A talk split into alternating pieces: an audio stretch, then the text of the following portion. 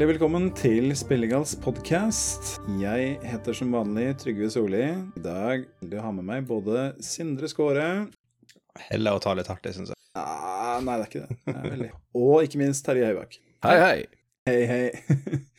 ja, temaet denne episoden her Nå må jeg passe meg for ikke å si uke, for det, er, eh, det indikerer at vi er ukentlig. Det er vi ikke lenger. Begynner å bli noen ganske lange uker, dette her. ja. Jeg har ikke sagt hva slags uker, så det kan, sånn sett kan vi si Nei da, men vi har ikke tenkt å Vi har ikke tenkt oss å ramle av lasset. Det, det kan hende det tar noen uker innimellom, men Ja. det stopper ikke. Nei da, det er akkurat det. Altså, vi har, det er ikke alltid man har like god tid da, til å spille en podcast. Og vi kan liksom Virkeligheten- ikke Virkeligheten kommer i veien innimellom. Ja, Og så er- akkurat det. Og så er det også et lidenskapsprosjekt, da. Så Ja. noen ganger er, er ikke hjertet i fyr og flamme, akkurat. Men denne uken, i gåsetegn, så har jo verden vært i fyr og flamme for eh, et visst, eh, en viss port i, i Forgotten Realms i sted. Godeste Ja. Boulders Gates har jo omtrent dekket Steam-siden min nå, med folk som spiller. Yes. ja, i den anledning så har vi valgt temaet eh, vestlige rollespill, eller CRPG-er, altså Computer RPGs. Computer Role-Playing Games, det så kan si hele. Oh, ja. Jeg trodde det sto for Classic RPGs. Det kan være det kan være at noen bruker det. Jeg har i hvert fall alltid lest at det er Computer RPGs. For at, Ja. Til forskjell fra cons console RPGs, som også ville vært CRPG. Som også ja, kjært, kjært, barn har, kjært barn har mange navn. Ja da. Nei, men det er liksom det er motstykket til JRPG, da, altså Japanese Role Playing Games. Så ikke at det er noe meningsfylt distinksjon der, men det er bare at det er det som har festa seg. Stemmer. Ja da. Nei, altså, vi Da vi eh, vi, vi gjør kanskje ikke det som er det populære å gjøre, nemlig å bare fokusere på Boulders Gate 3. Men isteden så går vi litt bakover og fokuserer på eldre ting. Må, se, Det må det, vite hvordan, vi, hvordan endte vi opp her. Ja. Yep. Det er ikke bare fordi vi ikke har fått spilt så mye Boulders Gate 3 nå.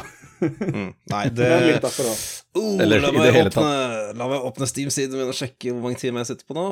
Oh, for Ja. dofa. Det, det er tosifra. Det er høyt tosifra. Ja. Nesten tresifra. ja. Ja, da begynner det å ligne noe. Ja. Mhm. Ja, jeg har nesten tresifra, ja, som heter jeg har nesten spilt i tre timer. ja, ok, sånn sett.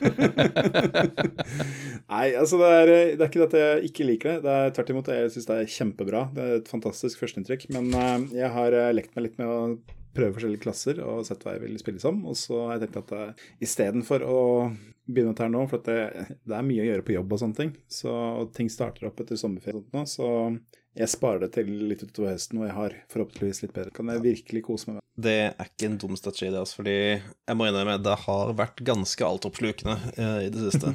Mm. Ja, Jeg det skjønner som skjønner jeg veldig godt.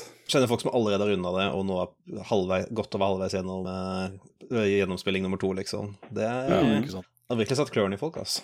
Ja, men det er godt at liksom det Jeg syns det er veldig fint at det er egentlig et sånn nisjespill. Et sånn, det som på en måte Ja, vi som har levd en stund, Mhm. forbinder med liksom klassiske spilleopplevelser, og så er det, slår det an så godt. og Det liker jeg veldig. Jeg er, egentlig, jeg er egentlig litt sånn overrasket, eller ikke overrasket, men imponert da, over hvor stor suksess det har blitt.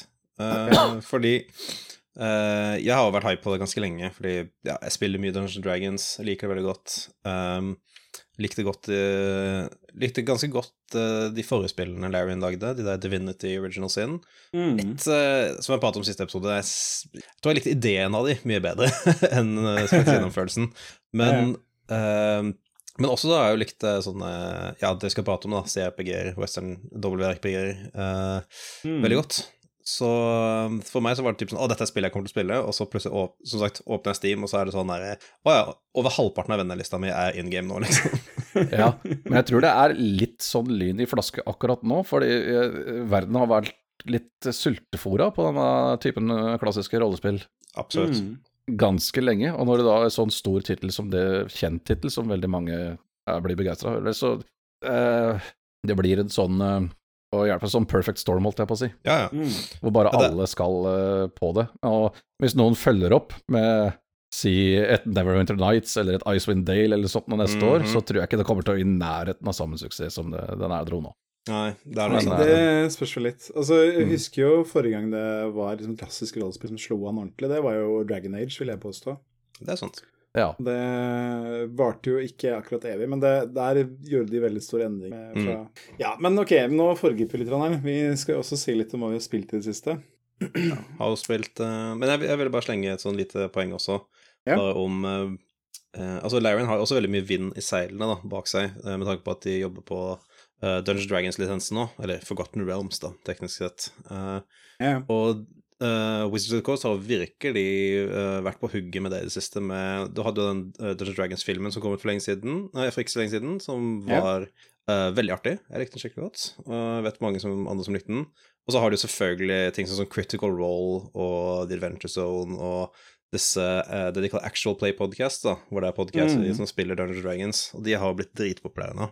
Mm. Uh, så mye at Critical Role til og med har fått en animert TV-serie på Amazon Prime, liksom. Såpass. Wow. Ja, så det er skikkelig Altså, jeg tror også at eh, covid og lockdown hjalp veldig, for da var det, det var veldig mange folk som endte opp å spille DND over nett og sånne ting med venner, mm. fordi jeg hadde ikke noe å gjøre. Jeg har jo en DND-gruppe som starta pga. det, så Ja, ikke sant. Ja. Så jeg tror det er veldig mye Som sagt, det er veldig mye vind i seilene for, uh, for Dungeons Dragons generelt nå, og dette spillet er kommet i som helt riktig tidspunkt fra helt riktig utvikling. Ja. Mm. Yes. Ja. Altså, vi, vi, vi har jo vi har jo spilt Boulder Skate 3, i hvert fall Sindre og jeg har spilt det, som mm -hmm. sa. Jeg vet ikke om vi Jeg lurer på om vi kanskje skal ta den praten litt seinere, når vi på en måte har fordøyd det litt mer. ja, jeg er sånn Det er vel tre akter i spillet. Jeg mm. tror jeg nærmer meg slutten av akt to nå. Det, ja. Du har vel så vidt startet, så jeg tror, nok, jeg tror nok det har litt mer, innsikt, mer innsiktsfulle ting å si uh, om spillet etter at jeg har runda det. Ja. Jeg hører litt blandede ting om uh, siste akten. Mm. Men det er sikkert av den typen som jeg tror jeg helt fint klarer å overse. Uh, mm. Men også har jeg også litt lyst til å bare starte en co-op playthrough med folk. Bare teste, ja. teste hvordan det er, for det virker også veldig gøy. Mm. Veldig, veldig med på den. Yes, nå bare insinuerte jeg meg inn i din vennegruppe, så det Ja, nei, men det, det, tenkte det får nok bli noe med spillegrad, men det er også en ting jeg har til blandeting om at co-open i spillet her er visstnok ganske janky. Det tviler jeg ikke på, men ja. ja. Nei, bare jeg måtte finne det på.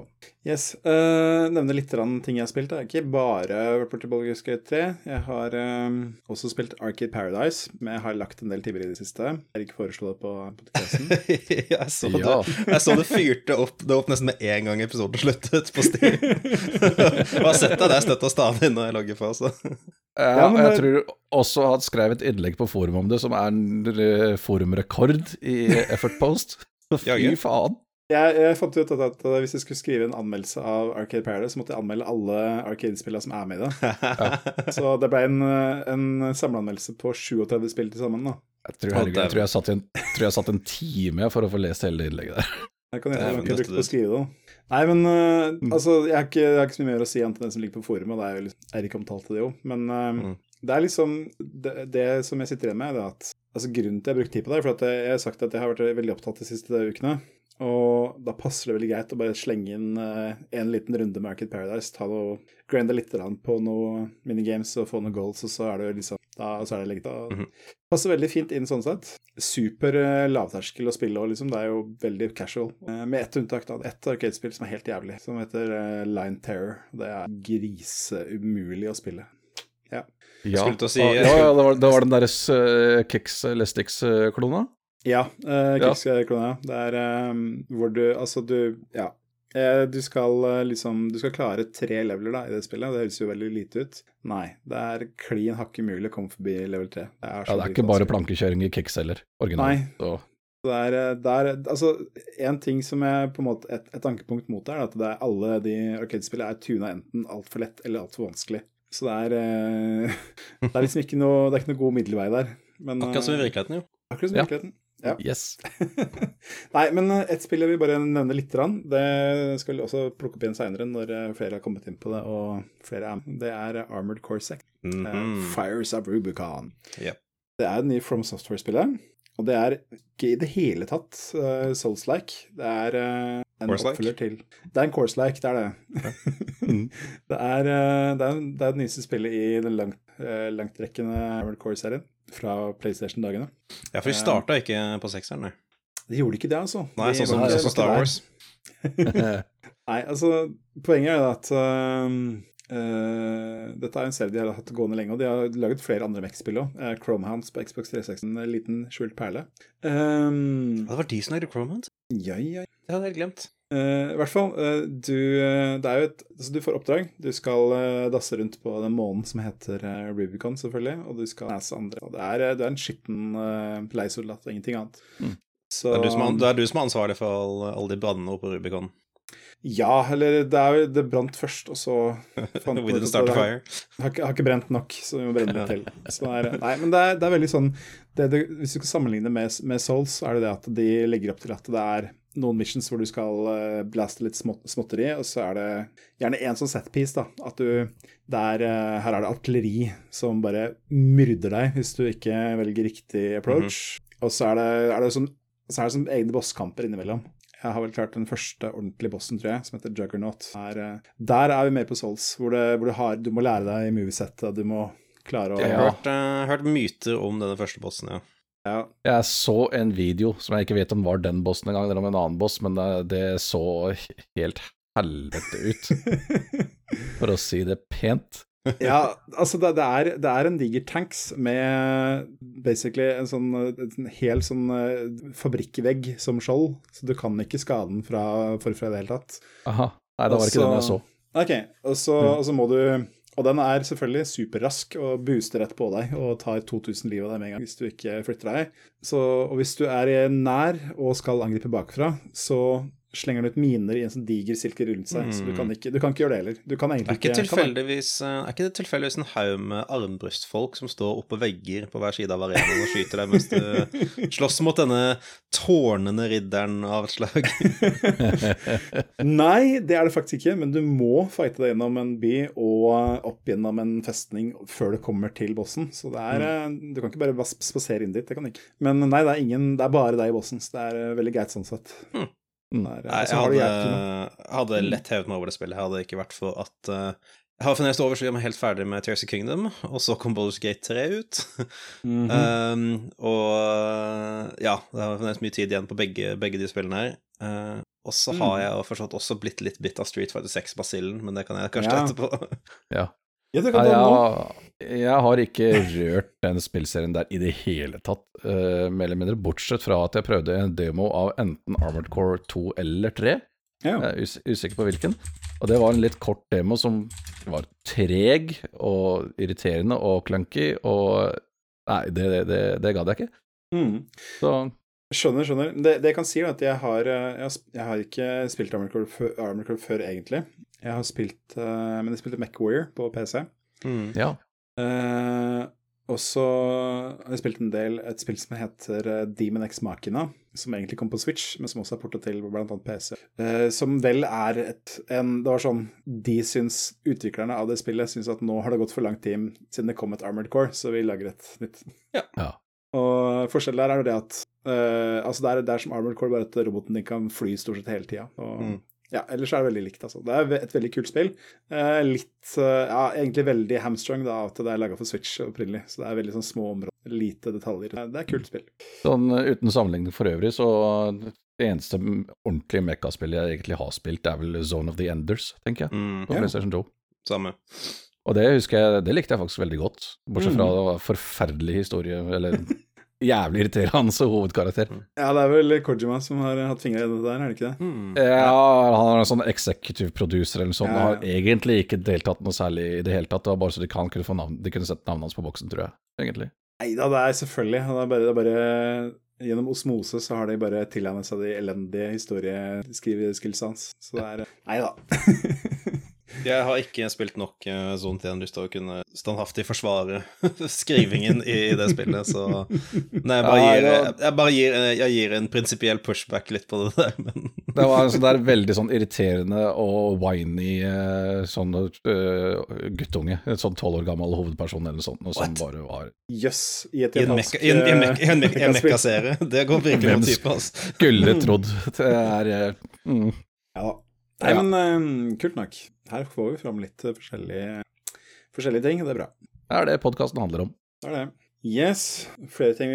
Du nevnte Street Fighter 6, Sindre. Ja, så uh, var jo jobben uh, nå på fredagen. Og Uh, da tok en av kollegene mine og rigget opp uh, Street Fighter 6 der. Og så var det Det var ikke en turnering, så det var folk som satte seg ned og prøvde hvis de ville. Og da ja. satte jeg ned og prøvde, fordi Jeg har vel kanskje pratet om det før, men jeg har uh, alltid Alltid hatt liksom lyst til å lære meg slåssespill, mm. men har bare ikke vært noe god på de. ikke vært noe god på sånn komboer og, og all den skiten der, da. Um, mm. Men da kom Street Fighter 6 ut, og den har jo det der modern controls-setupet som var, så vidt jeg forstår, litt kontroversielt, men uh, jeg liker det veldig godt. Og det på en måte ja. senket barrieren nok til at jeg faktisk kunne sette meg inn og faktisk sånn føle at jeg visste, vet, visste hva jeg drev med, liksom. Så mm. Jeg fikk litt sånn der sånn, plukket Chun-Li, fant ut hvilke knappekombinasjoner som gjorde spin bird kick og kickoen og alt det der, og da var det sånn Å, fuck, ok, jeg kan faktisk spille det her nå, liksom. Og det var drittilfredsstillende. Ja. Så jeg har ikke kjøpt det selv ennå, men det er sånn type jeg har nå en uke gått øh, Nei, nå, nå helge, hele helgen gått rundt og bare tenkt på det. Bare sånn bare mm. sånn der, mm, Har lyst til å spille Street Fighter 6 igjen.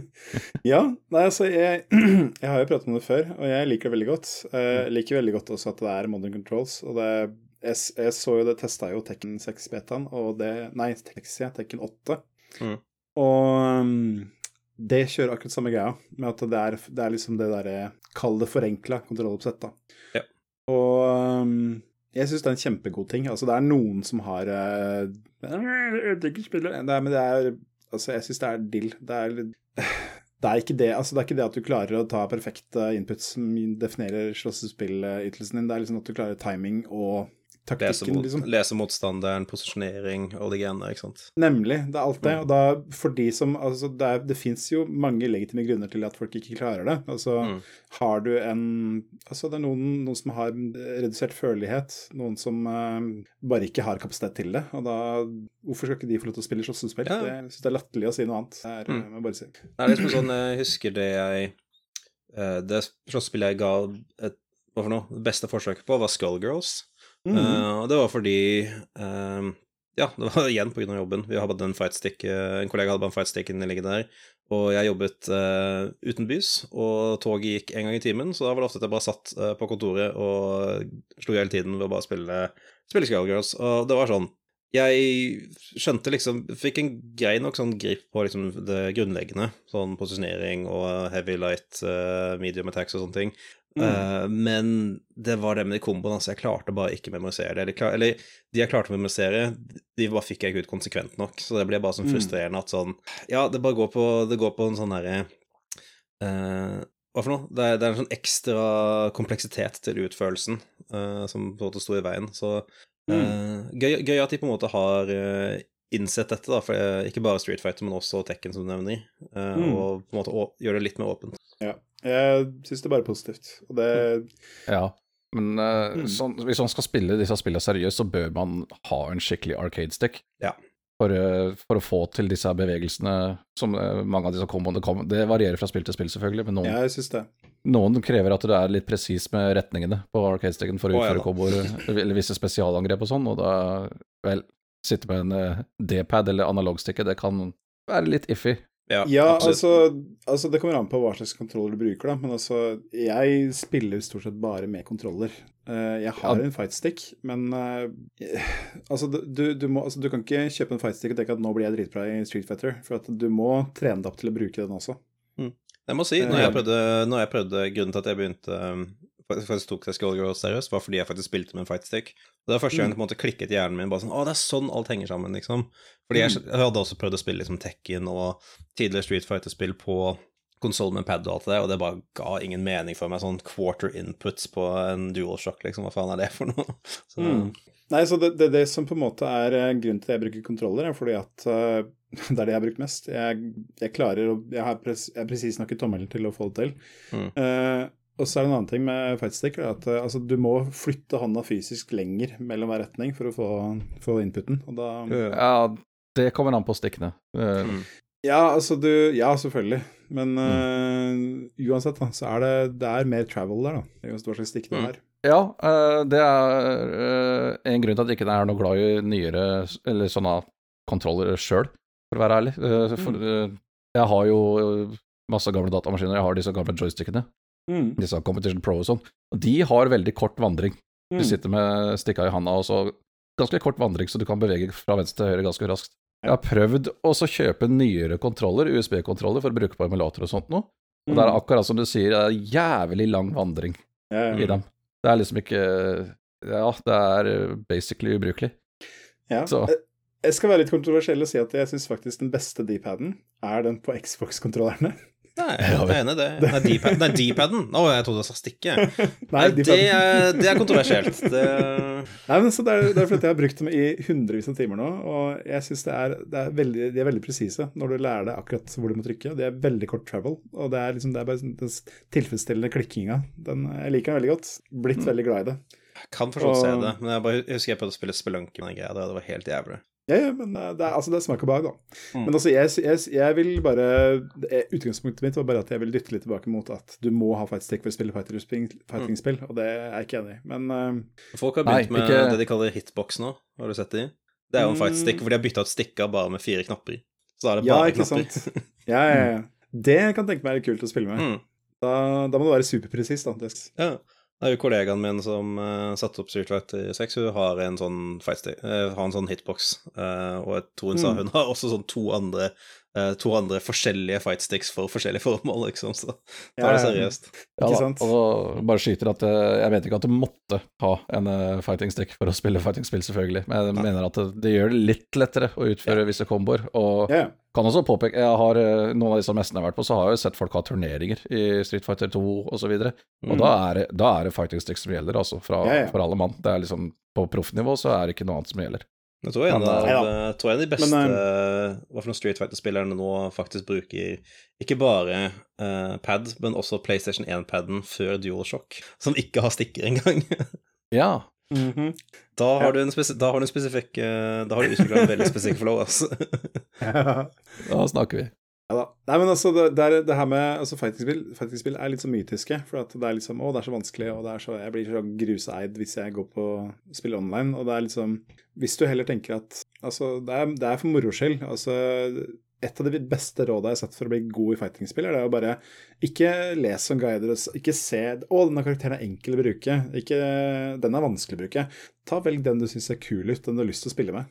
Mm. Og så bare spiller du med den. Og den, den mest buttonmash ja. Den mest buttonmash-vennlige for min del. ja, det har kind of vært litt problemet mitt med fighting-spill, fordi det er jo særlig Street Fight jeg har, lyst til, jeg har hatt lyst til å lære å spille, fordi jeg bare liker eh, karakterdesignet veldig godt. Mm. Og de karakterene jeg, jeg, har likt best, har vært uh, Chun-Li, Zangif og Makoto. Som visstnok er de tre mest keitete karakterene å spille fordi inputene deres er så kompliserte. ja, Chun-Li er ikke så vanskelig. Uh, Zangief ser jeg at den er verre, ja. men uh, ja, altså jeg, er, jeg, har Det jeg har spilt mest med i Street Fighter 6, det er Cammy, faktisk. Mm. Hun har kjempebra soning og veldig snapp i spillet. Hun er dritas. Og så mm. var det, jeg likte veldig godt hun, hun ene nye, hun der lille med de store museflettene, som har sånn to sånn klubber. Ja, ja. Hun var dritmorsom å spille. Bare sånn en liten sånn ekorn som bare spretter rundt omkring. Ja, ja. Er det Lilly, du heter, tror Jeg husker ikke. Ja, det tar jeg riktig. ja. Nei, det, det, er liksom, det er sånn ny mekanikk til Løktelø, at du kan bygge opp som charges, og hun har den mekanikken at du bygger ut charges. Mm. Det gir deg ekstra effekter på slag. Yes, men dette var ikke fighting-episoden. Den kommer vel en gang, men, uh, ja, den kommer nok etter hvert. Det, blir, det er nok uh, uunngåelig at jeg kommer til å plukke opp uh, eh, SF6 etter hvert. Ja, jeg, jeg, tenker at rundt Tekken 8 så har vi en fighting. Og det, oh, det er sant. kan vi kose oss med. Mm. Yes. Eh, Terje, du har også spilt noe som du ikke har prata med ennå? Ja, jeg driver og drar igjennom Jeg har kommet til PlayStation 2-samlinga mi nå. Jeg er liksom wow. ferdig med PlayStation 1, så ja da. Og eh, jeg fant fram Black, ja.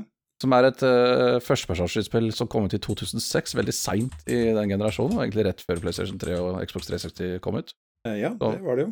Ja, og det er et førstepersonsskytespill av Criterion, mm. av alle, alle som uh, ikke er mest kjent for å lage førstepersonsskytespill.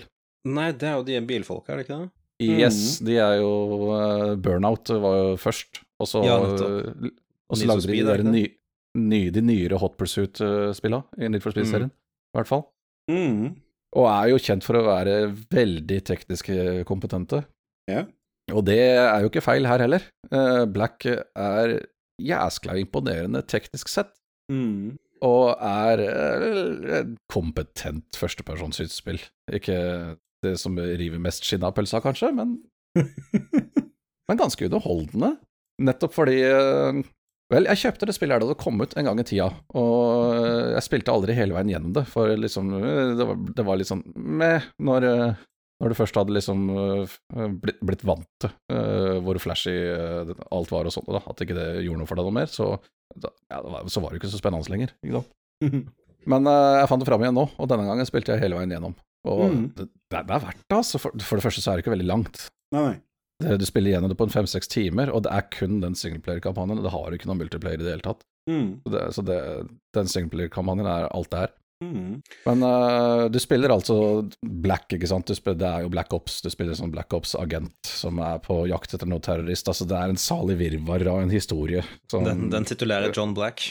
Ja, ja, ikke sant. Altså, du driver og roter rundt i, i er her, Tsjetsjenia eller et eller annet sånt, og, eller på jakt etter en terrorist. Og, ja, du, du, av grunner så skal du innom en sånn stilmill og skyter deg vei rundt i den, og du så skal, ja. skal, skal, skal, selvfølgelig innom et sinnssykehus og skyter deg vei gjennom det. det, liksom. ja, sånn. dette, var jo, dette var før 9-11, ja, så vi hadde ennå ikke mm. flytta oss over til Midtøsten. Det er fremdeles uh, østblokka og kalde krigen som teller. Nei, altså, det, det, var jo 2006, så det var jo fem Hva, det er det? What? ja, ja, ja. ja. Så, men uh, det er som sagt veldig teknisk eh, kompetent, da. Altså, skytinga og sånn sitter. Det er grafikken driter er det. Altså, når du tenker på decals og sånne ting, altså partikler, røykeffekter ja, Ting du ikke er vant til å se fra den generasjonen der mm. i det hele tatt. da. Mm. Ja, det å se, og, på, se på noe footage nå er ganske imponerende grafikk for en PlayStation 2, altså. Ja, det er ja. egentlig Det kom på PlayStation 2 og Xbox, men ja. de var jo ganske like på de to plattformene. Ja, Xboxen var jo kraftigere. Jeg, altså, ja, den var det, den var det og hadde er Black et uh, Xbox-spill, altså. Ja, ja, greit nok, men altså sånn uh, te, Altså, det, det, var ikke noe mindre imponerende på Nei, nei, nei det, er, det, er ikke, det er ikke det jeg mener. ikke sant? Nei.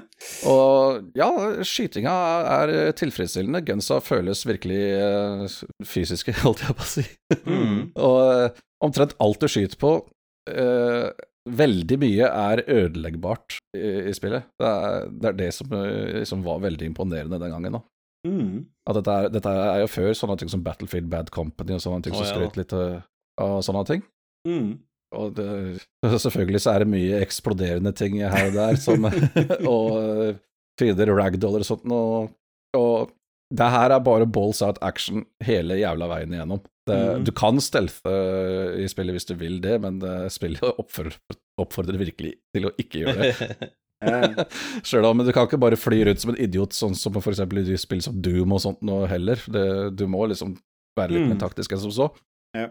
Men det, ja, faen, det var gøy, altså. Det er sånn god, gammeldags uh, shooter som, uh, som, bare oppfordrer deg til bare å ha det moro. Mm. Og og så bra ut. Låt bra ut. Ja, ja jeg, likte, jeg, likte, det. Koste meg faktisk glugg i hjel. Absolutt.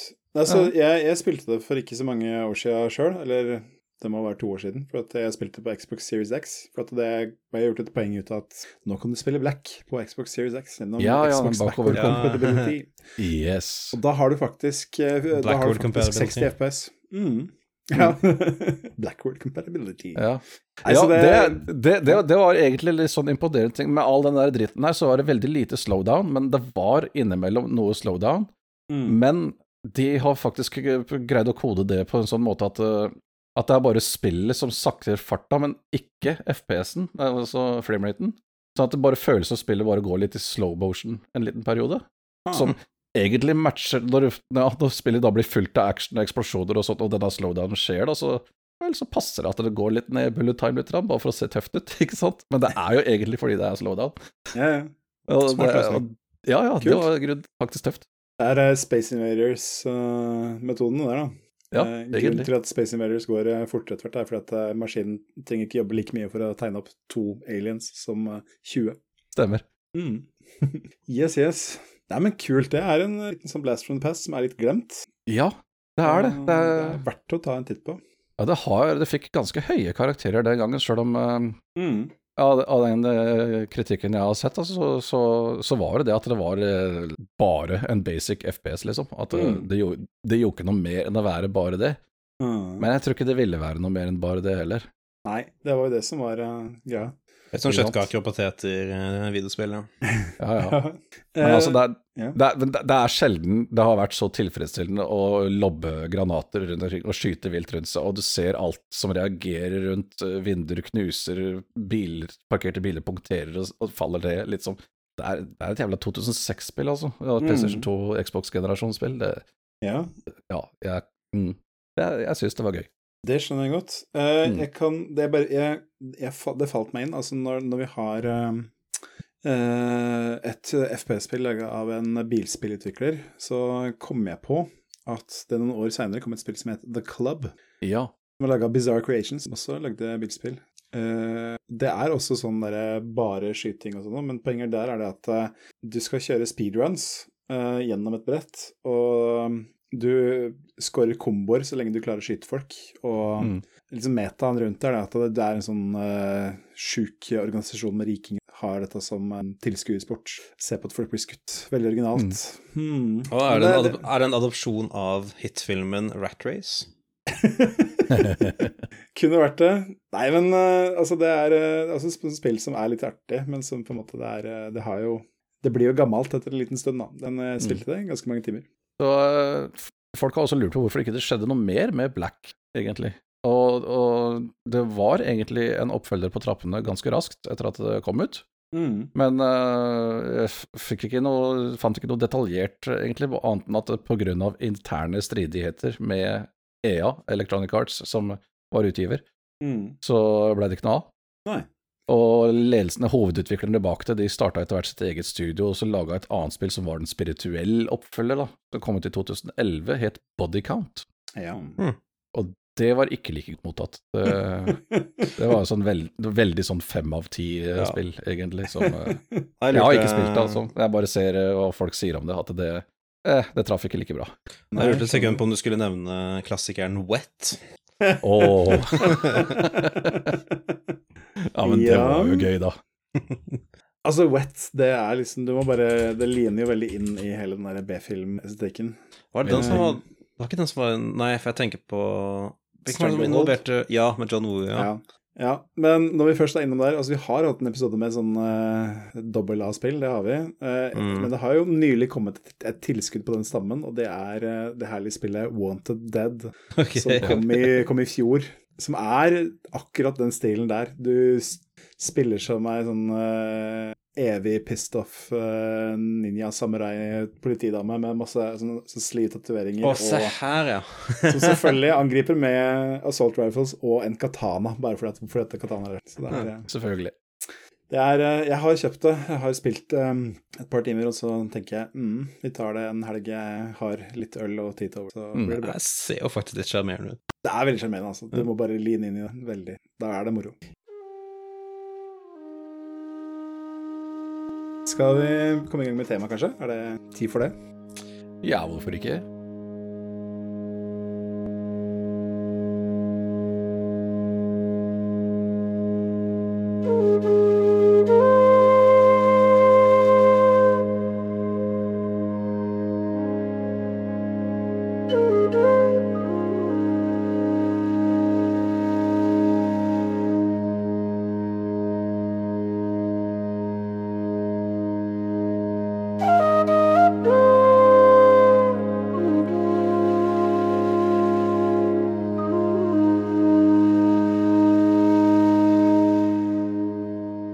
Vestlige rollespillet.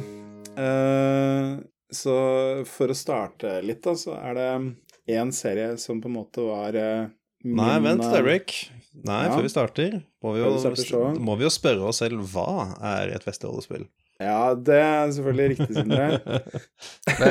jeg tenkte, tenkte, jeg skulle besvare det litt ved at jeg skulle trekke fram det jeg forbandt med, men jeg kan jo Det jeg tenker, da, er det at uh, Altså, hvis vi går litt tilbake til JRPG, CRPG-splitten igjen, så er det det at uh, japanske rollespill er jo selvfølgelig også av samme stykke som vestlige rollespill.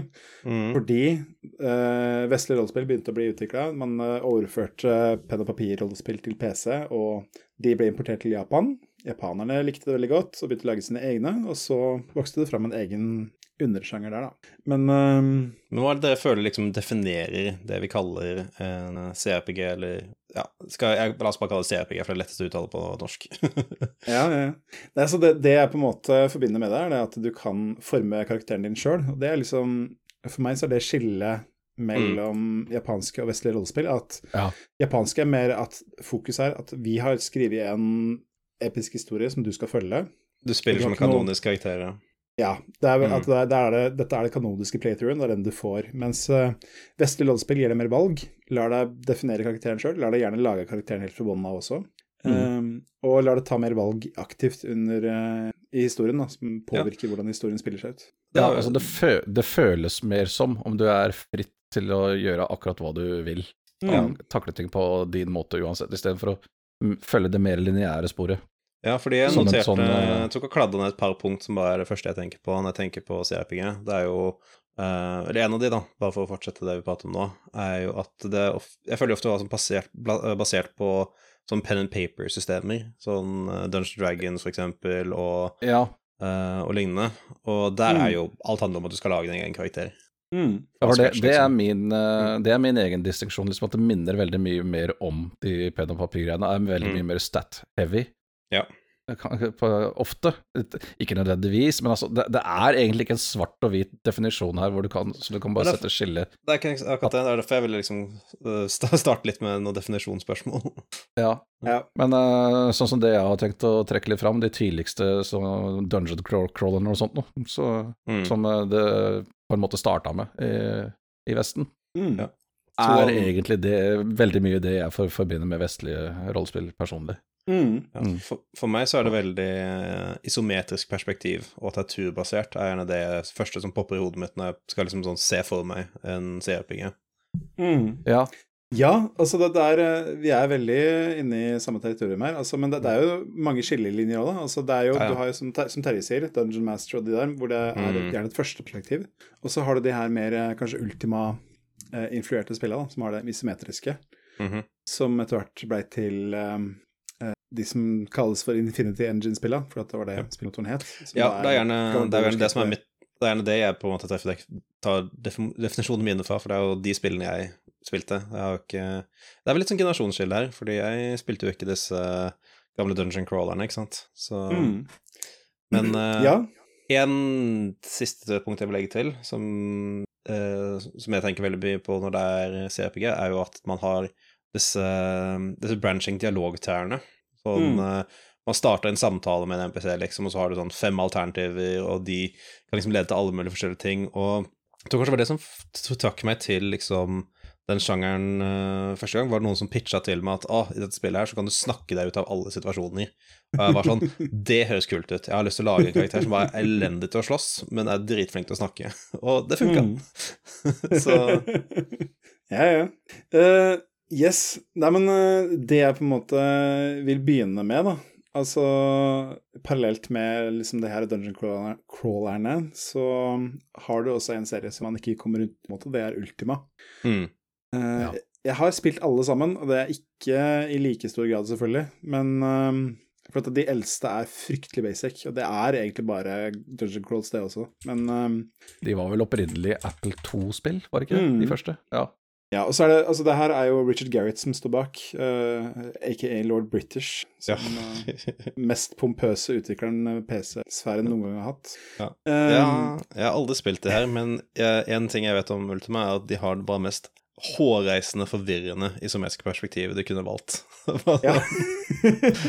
det er, vi er vant til å ja. tenke på sånn, hva man kaller sånn trekvart. Uh, ja. det, er et uttrykk for det, det er sånn 1-2-2-perspektiv. Uh, ja. uh, for når vi tenker isometriske ting, hvor liksom alt er et på en måte diamantformet rutenett. Men her er det bare mm. top down, og så opp til venstre. så bare er Jeg får så hodepine av å se screenshots av det. Jeg veit. Det er eh, Ultima 7 som står for den, mm. den biten. Der fant de ut av en eller annen grunn at nei, de skal uh, ha perspektivet ovenifra og litt til sida. Det, det, blir sikkert bra. Det ble ikke bra, altså. Nei. Men uh, Det er jo altså, sceneversjonen òg, så skifta det til å bare være isometrisk, men da var alt bare rotert 45 grader i stedet, så alt var på skrå, som var like forvirrende. Ja. Mm. Ja, det stemmer. Altså, det, det er Bare for å ta en liten sånn kjapp uh, runde gjennom serien, er det at de første spillene, det er jo veldig basic, som sagt. Og så er det jo Ultima 4, som, uh, hvor uh, godeste Gareth fant ut at vi må ha inn en ordentlig historie. Og da valgte han at Altså, det foregår i en fantasiverden som heter Britannia.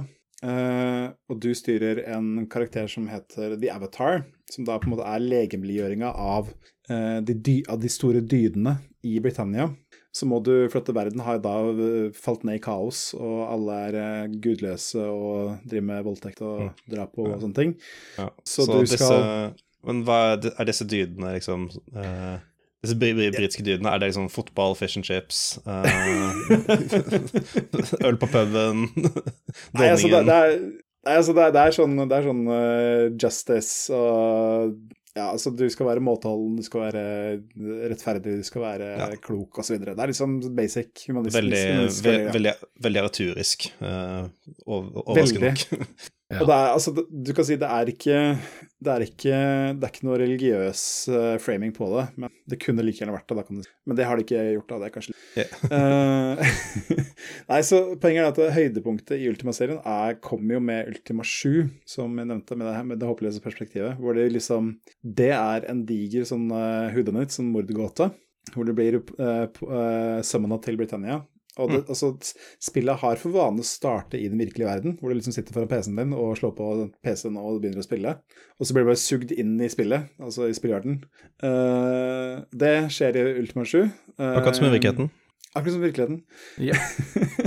så poenget er at da blir du bedt om å løse et drap da, på en landsbyboer og en sånn gar gargoyle, som det heter så fint. Uh, det som er veldig kult med det spillet, uh, som det gjorde veldig, uh, veldig særegent, og som er videreført av Larian i The Winter Original Sin og Boulderskate, er at det, så godt som alt i hele verden som ikke er støpt eller spikra fast, kan du flytte på og håndtere på en eller annen måte. Du kan, mm. bake, du kan bare ta kombinere ingredienser, bake brød og steke det. Du kan uh, flytte på alt mulig rart så lenge det ikke er for tungt. Du kan liksom ommøblere huset til folk og sånne ting, bare fordi at du skal kunne gjøre det. Um, det er ganske um, imponerende fått spill av den generasjonen, altså. Ja, dette her er jo uh, andre halvdel av 90-tallet vi snakker om her. Uh, det er uh, Ja, det pusha PC-en ganske hardt det, på den tida.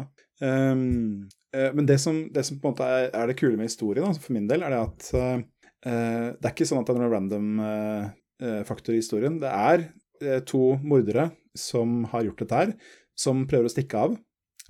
og du må på en måte snakke med folk og følge sporet og holde dampen gående. Hvis du er for treg, så stikker de av og drar til et annet kontinent, og da, er bare, da kan du ikke runde spillet.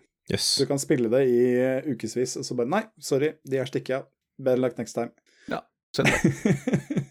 så det er en veldig kul greie. Og så um, fulgte det opp da med Ultima 8, uh, eh, som vel er det spillet jeg spilte mest da jeg var eh, tenåring. Der fant de det herlige symmetriske perspektivet, hvor du ja, må gå opp og til høyre, eller til venstre, hvis du skal gå rett fram. Um, i, all sin, I all sin visdom så fant de ut at det som var riktig for Ultima 8, var å legge inn plattformhopping og jumping puzzles i et i utgangspunktet veldig sånn oh. veldig sånn, hva skal jeg si, ja. klønete og tregt rollespill, da. Men Det har alltid fungert så bra. Det har ikke det, det gjør ikke det det spillet heller. Men uh, det, er sånn, det er sånn spill som er bra på tross av det det er, altså. Det er uh, Kan avsløre at det er en arv uh, Baldur's Gate har videretatt nå også. Det er, det er et hoppetøst ja! litt lenger til spillet der, så Ja da, jeg kan, jeg kan, love deg at det er mye mer elegant løst enn det som er i Ultima 8. Men uh, det, det, jeg husker så godt fra Ultima 8, er at grafikken i Ultima 7 er jo veldig bra. Det er liksom, det er håndtegna piksler og veldig store sprites, veldig forseggjorte omgivelser. Det er tatt et flere hakk opp i Ultima 8. Det ser helt mm nydelig ut. Uh, Kjempeforseggjort. Masse, masse detaljer og masse ulike monstre og folk og utrolig mye du kan utforske, altså. Så bare det holdt meg gående veldig lenge. Det er liksom, du, du vet når, når, noe er så godt tegna at du liksom Det føles liksom ordentlig sånn godt når du bare kan plukke opp litt ting. Plukke opp mm -hmm. mynter, og du ser at myntstacken Ja, der er det sju mynter, for det har de tegna inn. Ja.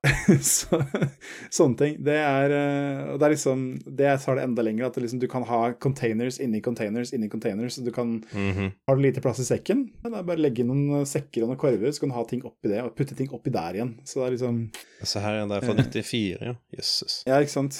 Så det er eh, veldig bra. Og så eh, selvfølgelig, på starten av 2000-tallet, var det vel, så kjørte de på med Eller var det 19... Ultima 9 kom jo også. Eh, dette var før det første ordentlig store MMO-et som de lagde, som het Ultima Online. Spilte på langt nær så mye. Men uh, Ultima 9, der skulle de dytte ut båten fullstendig legge inn alle detaljer fra alle spillene, ha med absolutt alt du kunne gjøre. Eh, enda mer grandios historie og selvfølgelig full 3D med den beste 3D-grafikken det gikk an å få til. spillet ble jo flere år forsinka, kosta enormt mye mer enn det skulle gjort. og var så janky da det kom ut at det gikk ikke an å spille omtrent. Uh, ja. Det går an å spille nå, men uh, igjen, da, det er seint 90-tall, tidlig 2000-tall, og det er kontrollsystemet er hårreisende dårlig, altså. Ja, Enda godt at uh, vi alle lærte av det, og alle gjorde noe sånt igjen. Nei, nemlig. Nei. Imponerende. Ja, nei, altså det, det, er, det, er sånn, det er sånn spill som altså, du, du, blir helt lamslått av hvor enormt det er, og hvor mange årsverk som er lagt inn for å realisere det, og så er det bare ikke like, det er bare ikke noe særlig artig å spille det. Mm. Det er sånn Du kan si at det er på, på sitt beste så er det en veldig overkomplisert Zelda-klone, rett og slett. Med et elendig kontrollsystem. Så Kan minne litt om et uh, senere prosjekt uh, som Garriott uh, dro i gang. Eh, det kan du selvfølgelig. Tabler, altså? ja, det er det jeg tenkte på. Det var ikke det jeg tenkte på. Var det ikke det? Sånn, jeg tenkte på det kickstart-prosjektet. Er, er, det helt Er det Shroud, Shroud the Avatar? Ja, det spiller, ja. det spiller jeg ute. Jeg har prøvd ja, det. Er jo det. Yes, er det det? Ja. Ja, ja. Jeg har spilt ja. det. Det går heller ikke an å spille. Nei. men, av, men av, av, andre årsaker. Men ja, vi, vi, trenger ikke gå inn på den. Nei, men i hvert fall um, Det som er greia, er at Ultima er jo Altså, de gamle Til og med sju så er de veldig velansett. Uh, og hadde jo enorm påvirkning på andre spill. Det kom jo en spin-off-serie som holdt med Underworld, som var kombinerte den uh, granulære detaljnivået i Ultima-serien med dungeon crawling. Det ble vel lagd av Looking Glass, tror jeg, de som lagde ja, det tror jeg ikke. Ja, de som blant annet også lagde um, Deus Ex og Deus Ex og det der, ja. ikke sant? Det er folk ja. derfra som har System Shock lagde du òg, gjorde du ikke det? System Shock, selvfølgelig. Takk. Takk. Mm -hmm. så det er Altså, det har Ultima hatt et veldig stor påvirkningskraft. Um, uten at man dermed skal uh, fly ut og spille de nå. Tida har løpt fra de, rett og slett. Det er for eh, spesielt interesserte, ja. antagelig. Ja. Men det, kan, det, er nok en del annet som blir nevnt i dag også. Så, ja da. Ja av akademisk interesse. Jeg minnes for så vidt når jeg ser på disse screenshotene av Ultimate Ascension Jeg ser bare på screenshots nå, jeg har ikke sett video, men jeg kan se for meg at på en måte beveger og spiller seg litt sånn som uh, Gothic gjorde. Det ja, det er ikke var, helt fantasy. ja, fordi det husker jeg var et spill som uh, venner meg på videregående, og for så vidt også en Esker, og, uh, anbefalte meg å spille. Uh, mm. Og det var sånn det var vel mitt første møte med et spill som virkelig ikke ville at jeg skulle ha det gøy. Uh, og jeg bouncer av det ganske hardt, da, men uh, i sånn ettertid så sitter jeg faktisk på en måte og respekterer litt at det er mulig for meg å nei, nei, nå skal jeg gå ut og plukke sopper, så blir jeg bare angrepet av en pakke med ulver som bare slår meg ut, stjeler alle tingene mine, og så må jeg løpe rundt naken resten av spillet, liksom. Yep. Ja. Yes. Nei, det er veldig, veldig, den skolen av design. Mm -hmm. Det er eh, Uh, Ultima 9 starter med at du teleporterer inn i uh, Britannia. Må uh, Gidder ikke gå inn i historien nå, men du må gjøre noe for å redde verden, selvfølgelig. Um, før du kommer så langt, så blir du angrepet av en sånn ond agent da, fra, fra en, den onde organisasjonen som står bak det der. Og så, Hvis du prøver å slåss mot den, så er det bare du blir bare drept for at den er så kraftig. Uh, Meninga er at du skal bare stikke av og hoppe gjennom en portal. Um, en gang jeg spilte det jeg har, jeg har spilt det, begynt på det spillet mange ganger, aldri kommet spesielt langt, for det går bare ikke. Men um, en gang jeg spilte, så bugga han fyren, så han bare sto lent inn mot en vegg og sto og ropte til meg. Og så kunne jeg bare stå rett rundt hjørnet og bare hakka han til døde med kniven min. Og det tok, tror jeg, tok et tre kvarter å bare stå og bare slå på den gubben. det er dedikasjon. Uh, ja, ja. Og for, um, for, den innsatsen så fikk jeg masse utstyr som var altfor tungt til at jeg kunne bære det, og altfor høy level til at jeg kunne bruke det. Så det var yep. kjempe, kjempemoro. så det er Nei, altså, det er ja, altså Ambisjonene er enorme i den serien der. Det er ikke alltid de ble innfridd. Altså. De klarte, de klarte, ikke å komme i mål. Yes. Men um, hvis, vi, um, hvis vi går litt over på andre sida, da, liksom mer på dungeon crawl-biten Jeg kan si at jeg, jeg, har aldri lagt masse tid i noen dungeon crawl-rollespill fra 80-90-tallet. Det er fordi at jeg syns det var for vanskelig. Det var liksom Du måtte Jeg forsto ja. det ikke ordentlig. Det var, de, det var, litt det for min del også. Jeg, prøv, jeg, prøvde å spille flere av dem. Det var ikke så mange av dem jeg klarte. Mm. Eh, noe av det har nok litt sammenheng med at de aller fleste av dem så er du helt avhengig av å ha en instruksjonsmanual tilgjengelig. Mm. Noe jeg av en eller annen grunn sjelden hadde. Mm. Åssen kan det ha seg? det er rart, det der. Men uh, uh, så originalen til dette Dungeon Master har jeg eh, aldri sett. Det har jeg liksom bare lest om, egentlig. Mm. Og det er bare på grunn av hvor historisk det er. Ja. Men et av de tidlige som jeg kjenner som jeg ikke spilte så tidlig, riktignok, mye mye seinere, men det er jo The Bard's Tale. Ja, ja. ja så klart. Som er, som er, Interplay og Brian Fargo og mm. sånn. Og det er veldig interessant, for det, det, ja, det kom jo opprinnelig på Apple 2, det òg, men det, det, liksom fungerte på Commodore 64 og alt, liksom. Mm. En, skikkelig, en, skikkelig, dungeon crawler, og det, det var litt imponerende. For uh, det fungerte på en måte som uh, man ikke akkurat er vant til. For, uh, for, å lagre framgangen i det spillet, så lagrer den ikke statusen på leveler eller hvor du er i spillet eller noen ting. Den lagrer kun karakterene dine. Uh. Ja, og spill, progresjonen i spillet er, er, helt avhengig av at karakterene dine har de rette gjenstandene i inventoryet sitt. Mm. For du starter spillet i denne byen som heter Scara Bray, ja.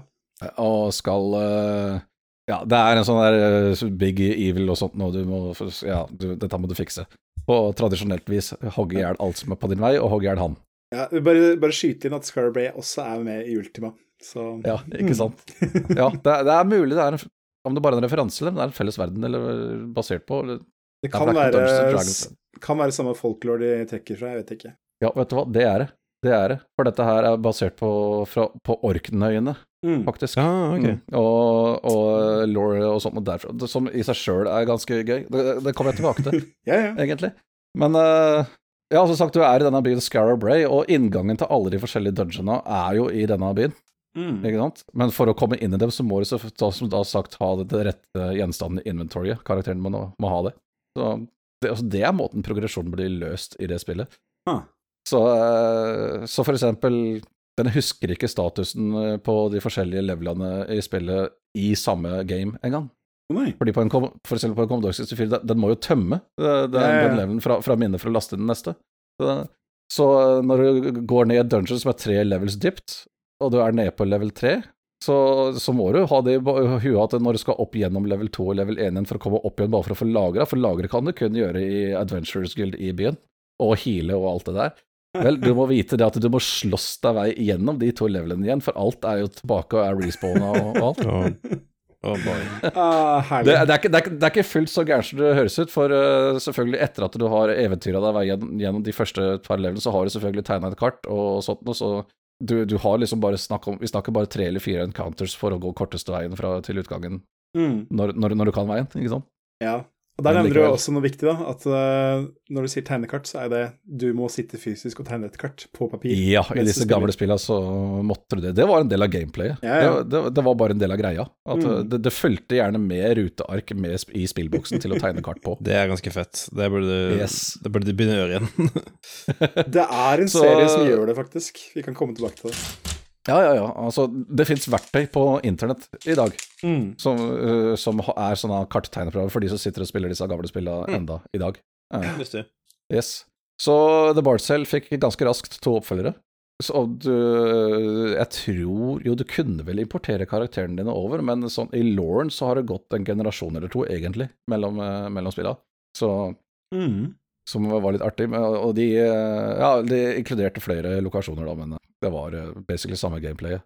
Mm. Og så var det stille fra The Bard's Tale i uh, jævlig mange år. Ja, bortsett, fra, bortsett fra i 2004 så skjedde det sånn Husker du den der Snowblind-montoren som de lagde en del sånne action-RPG-er ut av? Oh. Baldur's Gate Dark Alliance og yes. blant annet. Mhm. Den husker jeg. The Common The Bard's Tale laga i den motoren. Ja, for jeg lurer på om det var første gang jeg støtte borti, borti den serien der. Ja, Mm. Den blir ansett som uh, non-canon, bare, bare så det er sagt. Ja, bare det, de, gamle, de gamle blodfansa av de gamle spilla hata det jo som pesten. Et jævla stygt action-RPG istedenfor den klassiske dungeon crawleren det egentlig skulle være, osv., osv. Ja, ja. Så ikke faen. Men jeg elska det, egentlig, fordi jeg hadde sansen for disse her uh, Snowblind-motorspilla sjøl. Mm. jeg mener å huske at Dark eh, Alliance også fikk litt lignende resepsjon. Ja. Og det Ja, ja. var en jæskla god Det var en jæskla god uh, pastisj på, uh, på rollespill generelt. Mm. Altså, det, det gjorde narr av. Uh, klassiske rollespill-tropes og sånne ting hadde Det var én hovedperson, da, The Bard himself, altså trubaduren, som ble spilt av Carrie Elves. Ja. Og så var det en fortellerstemme som prøvde så godt han kunne å, å, å farge dette her heltemodig og sånt noe. Og det var, og det, det var Tony J. Som har eh, det er, ikke sikkert, det er ikke sikkert alle husker Tony J lenger, for han døde dessverre rundt den tida her, faktisk. Sånn Mm. 2005-2006 eller sånt. Men hadde sånn ja, James Earl Jones, egentlig. Sånn typisk sånn mørk, kraftig stemme. Ah. han var Mm, ofte, s- ofte sistebossen i mange spill. Ganske typisk. Men det var, det var faktisk jævlig moro. De to radbrakk jo den fjerde muren, og de hadde diskusjoner med hverandre og alt mulig rart. Jeg, jeg elska det. Men, ja, eh, ja. Kult, veldig kult konsept. Ikke sant. Men uh, det som skjedde etter det, var at uh, Bard's Tale 4 til slutt ble kickstarta, Mm. og kom ut i 2018. Ja, jeg husker det, den kom ut. Mm. Og eh, det, det, det, det traff meg dessverre ikke helt. Nei, Jeg tror vi prata om det på en tidligere episode, gjorde du ikke det? Gjorde jeg det? Ja, det gjør det. Tror du gjør det. Du har vært borti det, spilt det. Da, er jeg i ferd med å repetere det jeg sa den gangen, dessverre. Nei, jeg, tror, nei, jeg, tror det bare, jeg tror det bare kom opp in passing når du Bare nevnte, når du, nevnte det så vidt. Nei, når du pratet om det der det romplattformspillet. Mm. Eh, ja. Space Quest, nyeste Eller ja, det Det var det. Ja, Ja, Mm. Ok. Ja, uansett. eh, Det det spillet skal ha, at eh, det er faktisk jævlig pent, men ikke før det har gått noen timer. For eh, du starter i denne byen Scarabray igjen, ja, men nede i undergrunnen, så de første par timene så spiller bare grått og trist, og ser egentlig ikke ut. Men når du endelig kommer ut, og kommer ut i naturen, så ser det dritpent ut. Hm. Og det høres veldig pent ut. Det er eh, leid inn masse sånne folkemusikere, irske og færøyske, eller orknøyske og, og sånne ting. Så kjente navn i, jeg, I det i, miljøet? det der, i det greiene der, men jeg- ikke at jeg kjenner disse navnene veldig godt. Nei. Men fy faen, den musikken. Mm. Noen av de sangene. Skulle, går skulle håpet at spillene om en skald uh, putta litt effort i musikken, ja. Ja, absolutt. Ikke sant? Ja, og det er nettopp det. Det er eh, Det som er litt gøy, er at eh, Ja, som, som jeg nevnte tidligere, i Lawrence går det jo noen generasjoner mellom hvert av spillene. Og disse heltemodige handlingene, selvfølgelig, som har gjort i det foregående spillet, er jo da blitt sanger. Ja, nice. Det det er, når du går og besøker vertshus og sånt, og så står en skald i et hjørne og synger en sang. Og det gikk liksom litt tid før jeg begynte å høre på teksten at vent litt, han, han, ja. han synger faktisk sangen om uh, The Bard's Tale 2, liksom, his- his- historien der. Så alle, alle tre, de tre foregående spillene har sin egen sånn sang som en eller annen trubadur står og synger. Og ellers så kan det bare komme over en, en gruppe kvinner som driver og arbeider med noe lær eller vasker tøy, eller så det bare synger en eller annen sånn folkesang mens de jobber og sånne ting. Det, stemninga i spillet er bare upåklagelig. Mm. Men det, øh, det, det var en del andre ting med konseptet jeg ikke var noe særlig glad i. Så, så det, er veldig mange repeterende puzzles som ikke var særlig interessante. Og, jeg veit det ble patcha ganske hardt en stund etterpå, men jeg spilte det Jeg prøvde det aldri igjen etterpå, så det kan hende det er blitt bedre nå. Jeg har liksom tenkt på å komme tilbake til det. Ja. ja, da jeg husker jeg leste det samme, at det var sånn derre at de prøvde å stikke hull på troper i, i samme ånd som tidligere, og så funka det ikke like bra. Nei, dessverre. Komediespill er vanskelig å få til, ass. Det er det. Det er liksom, du har, det er, det er klassikeren at det bare Ikke sant, det suger når du må kjøre, kjøpe, kjøre sånn meningsløs fetch quest, Mhm. og så Ja. må du kjøre meningsløs fetch quest, det er liksom Det blir ikke noe artigere av det. Nei, egentlig ikke. Sjøl om du får en sånn der tongue-in-cheek kommentar ut av det, så Mm. er det fortsatt det drit. Så, men det er altså The Bard Cell-serien, som eh, i seg sjøl er eh, legendarisk. Mm. Så eh, det er sikkert eh, nok av folk der ute som liker Bard's Tale 4 godt òg, altså. Ja da, Så, jeg får tro det. mm. Så eh, Men andre spill, hvis vi spoler tilbake dit igjen til 90-tallet, er eh, et jeg likte veldig godt, som jeg spilte rett igjennom, var et spill som heter Realms of Arcania, The Mm. Blade of Destiny. Mm. Og det er en litt svær greie, Jeg Har aldri hørt om. for det Nei, det er ikke så kjent, for det er basert på et eh, penn og papir-rollespillsystem som, er- som er tysk, Ja, poeng til meg. og min, minner, om, eh, minner om Dungeons and Dragons, men det heter Das Schwarze Auge, Ja. eh, eller The Dark Eye. Ja. Der fins en engelsk oversettelse av det. Blåveisen. Ja, ikke sant. Og det er eh, stats hell, altså. Det er så mye stats. Det er så jævlig mye stats. mm. I et tysk For, spill, ja. eh, Det kan jeg ikke se for meg. Yes, wow. Ikke sant? Men det er nettopp det. Altså, de som, de som laga dette spillet, bestemte seg for at alle stats og alt sammen som er i det originale penn og papir-rollespillet, skal også eksistere i dataspillet. De skal ikke forenkle dette her noe i det hele tatt. Mhm. Alt er med! Åh, er det sånn Er det av den typen som liksom tracker dexterity per finger, og sånn hvor mange, ten, hvor mange, hvor mange, hvor mange jeksler du har, og Det er ikke så gærent, men okay. dette er faen meg Dette er ganske hardcore eh, RPG, egentlig. Altså, og vi snakker 1992 her, mm -hmm. på et dataspill. Jeg spilte det på Amiga, riktignok. Uh, for dette blei en eh, trilogi. Men uh, det var kun det første spillet i trilogien som kom på Amiga, så jeg har ikke spilt de neste to i serien. Mm. Men uh, vi snakker om at dette er eh, med masse kategorier av magi, for eksempel, med en haug med spells i hver kategori, og all, alt er med, Mm. for eksempel.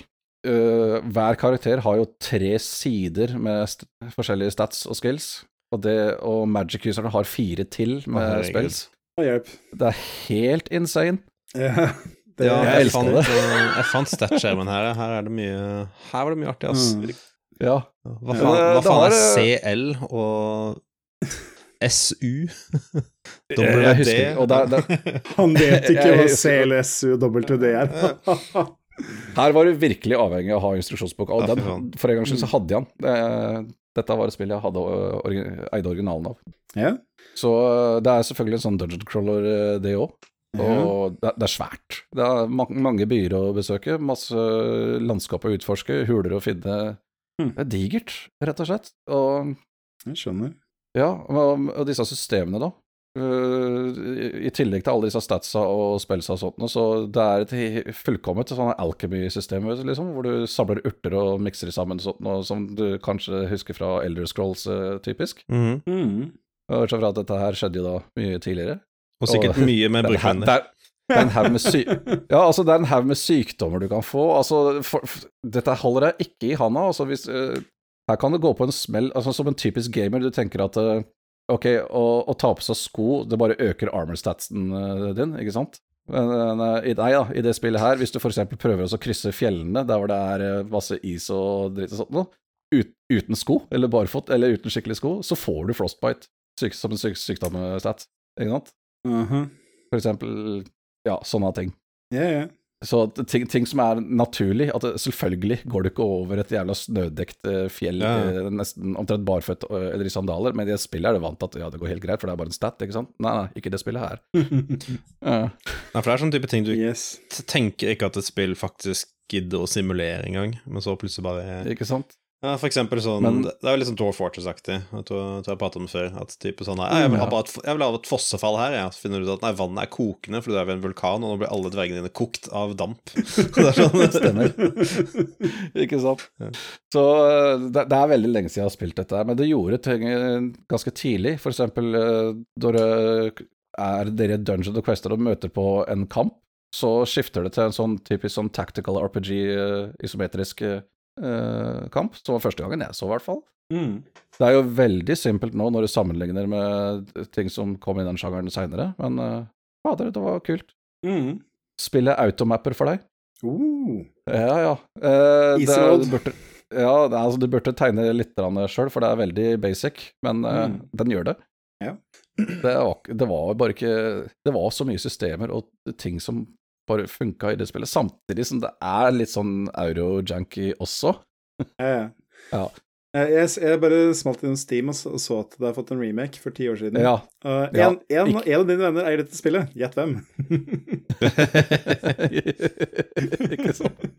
Ja, jeg har ikke, jeg har ikke prøvd den. Nei, nei. nei jeg bare, men, det står ut eieren, bare. Men, men den er Den remaken er slakta, hvis jeg ikke husker feil. Ja, jeg leste et review hvor det sto at der var det supermasse bugs, men det har de stort sett fiksa nå. Men det er fortsatt ja. veldig, sånn, uh, veldig røft. Mm. Men det var, det var et spill jeg virkelig koste meg gløgg i hjel med, og runda. Mm. Mm. Wow. Og, så, men altså, det, det, spillet tar høyde for alt, altså. Når, når jeg snakker om alle disse her magisystemene altså En av de top level spellsa som er, er en som heter Summon Major Demon, eller noe sånt noe. Og det, går, det, lar seg nesten ikke gjøre å, å få levela uh, I løpet av vanlig gjennomspilling i det spillet, får du nesten ikke levela en trollmann høyt nok til å kunne lære seg den spillen der, og så levele den spillen høyt nok til at du har en sjanse til å kaste den riktig. Mm -hmm.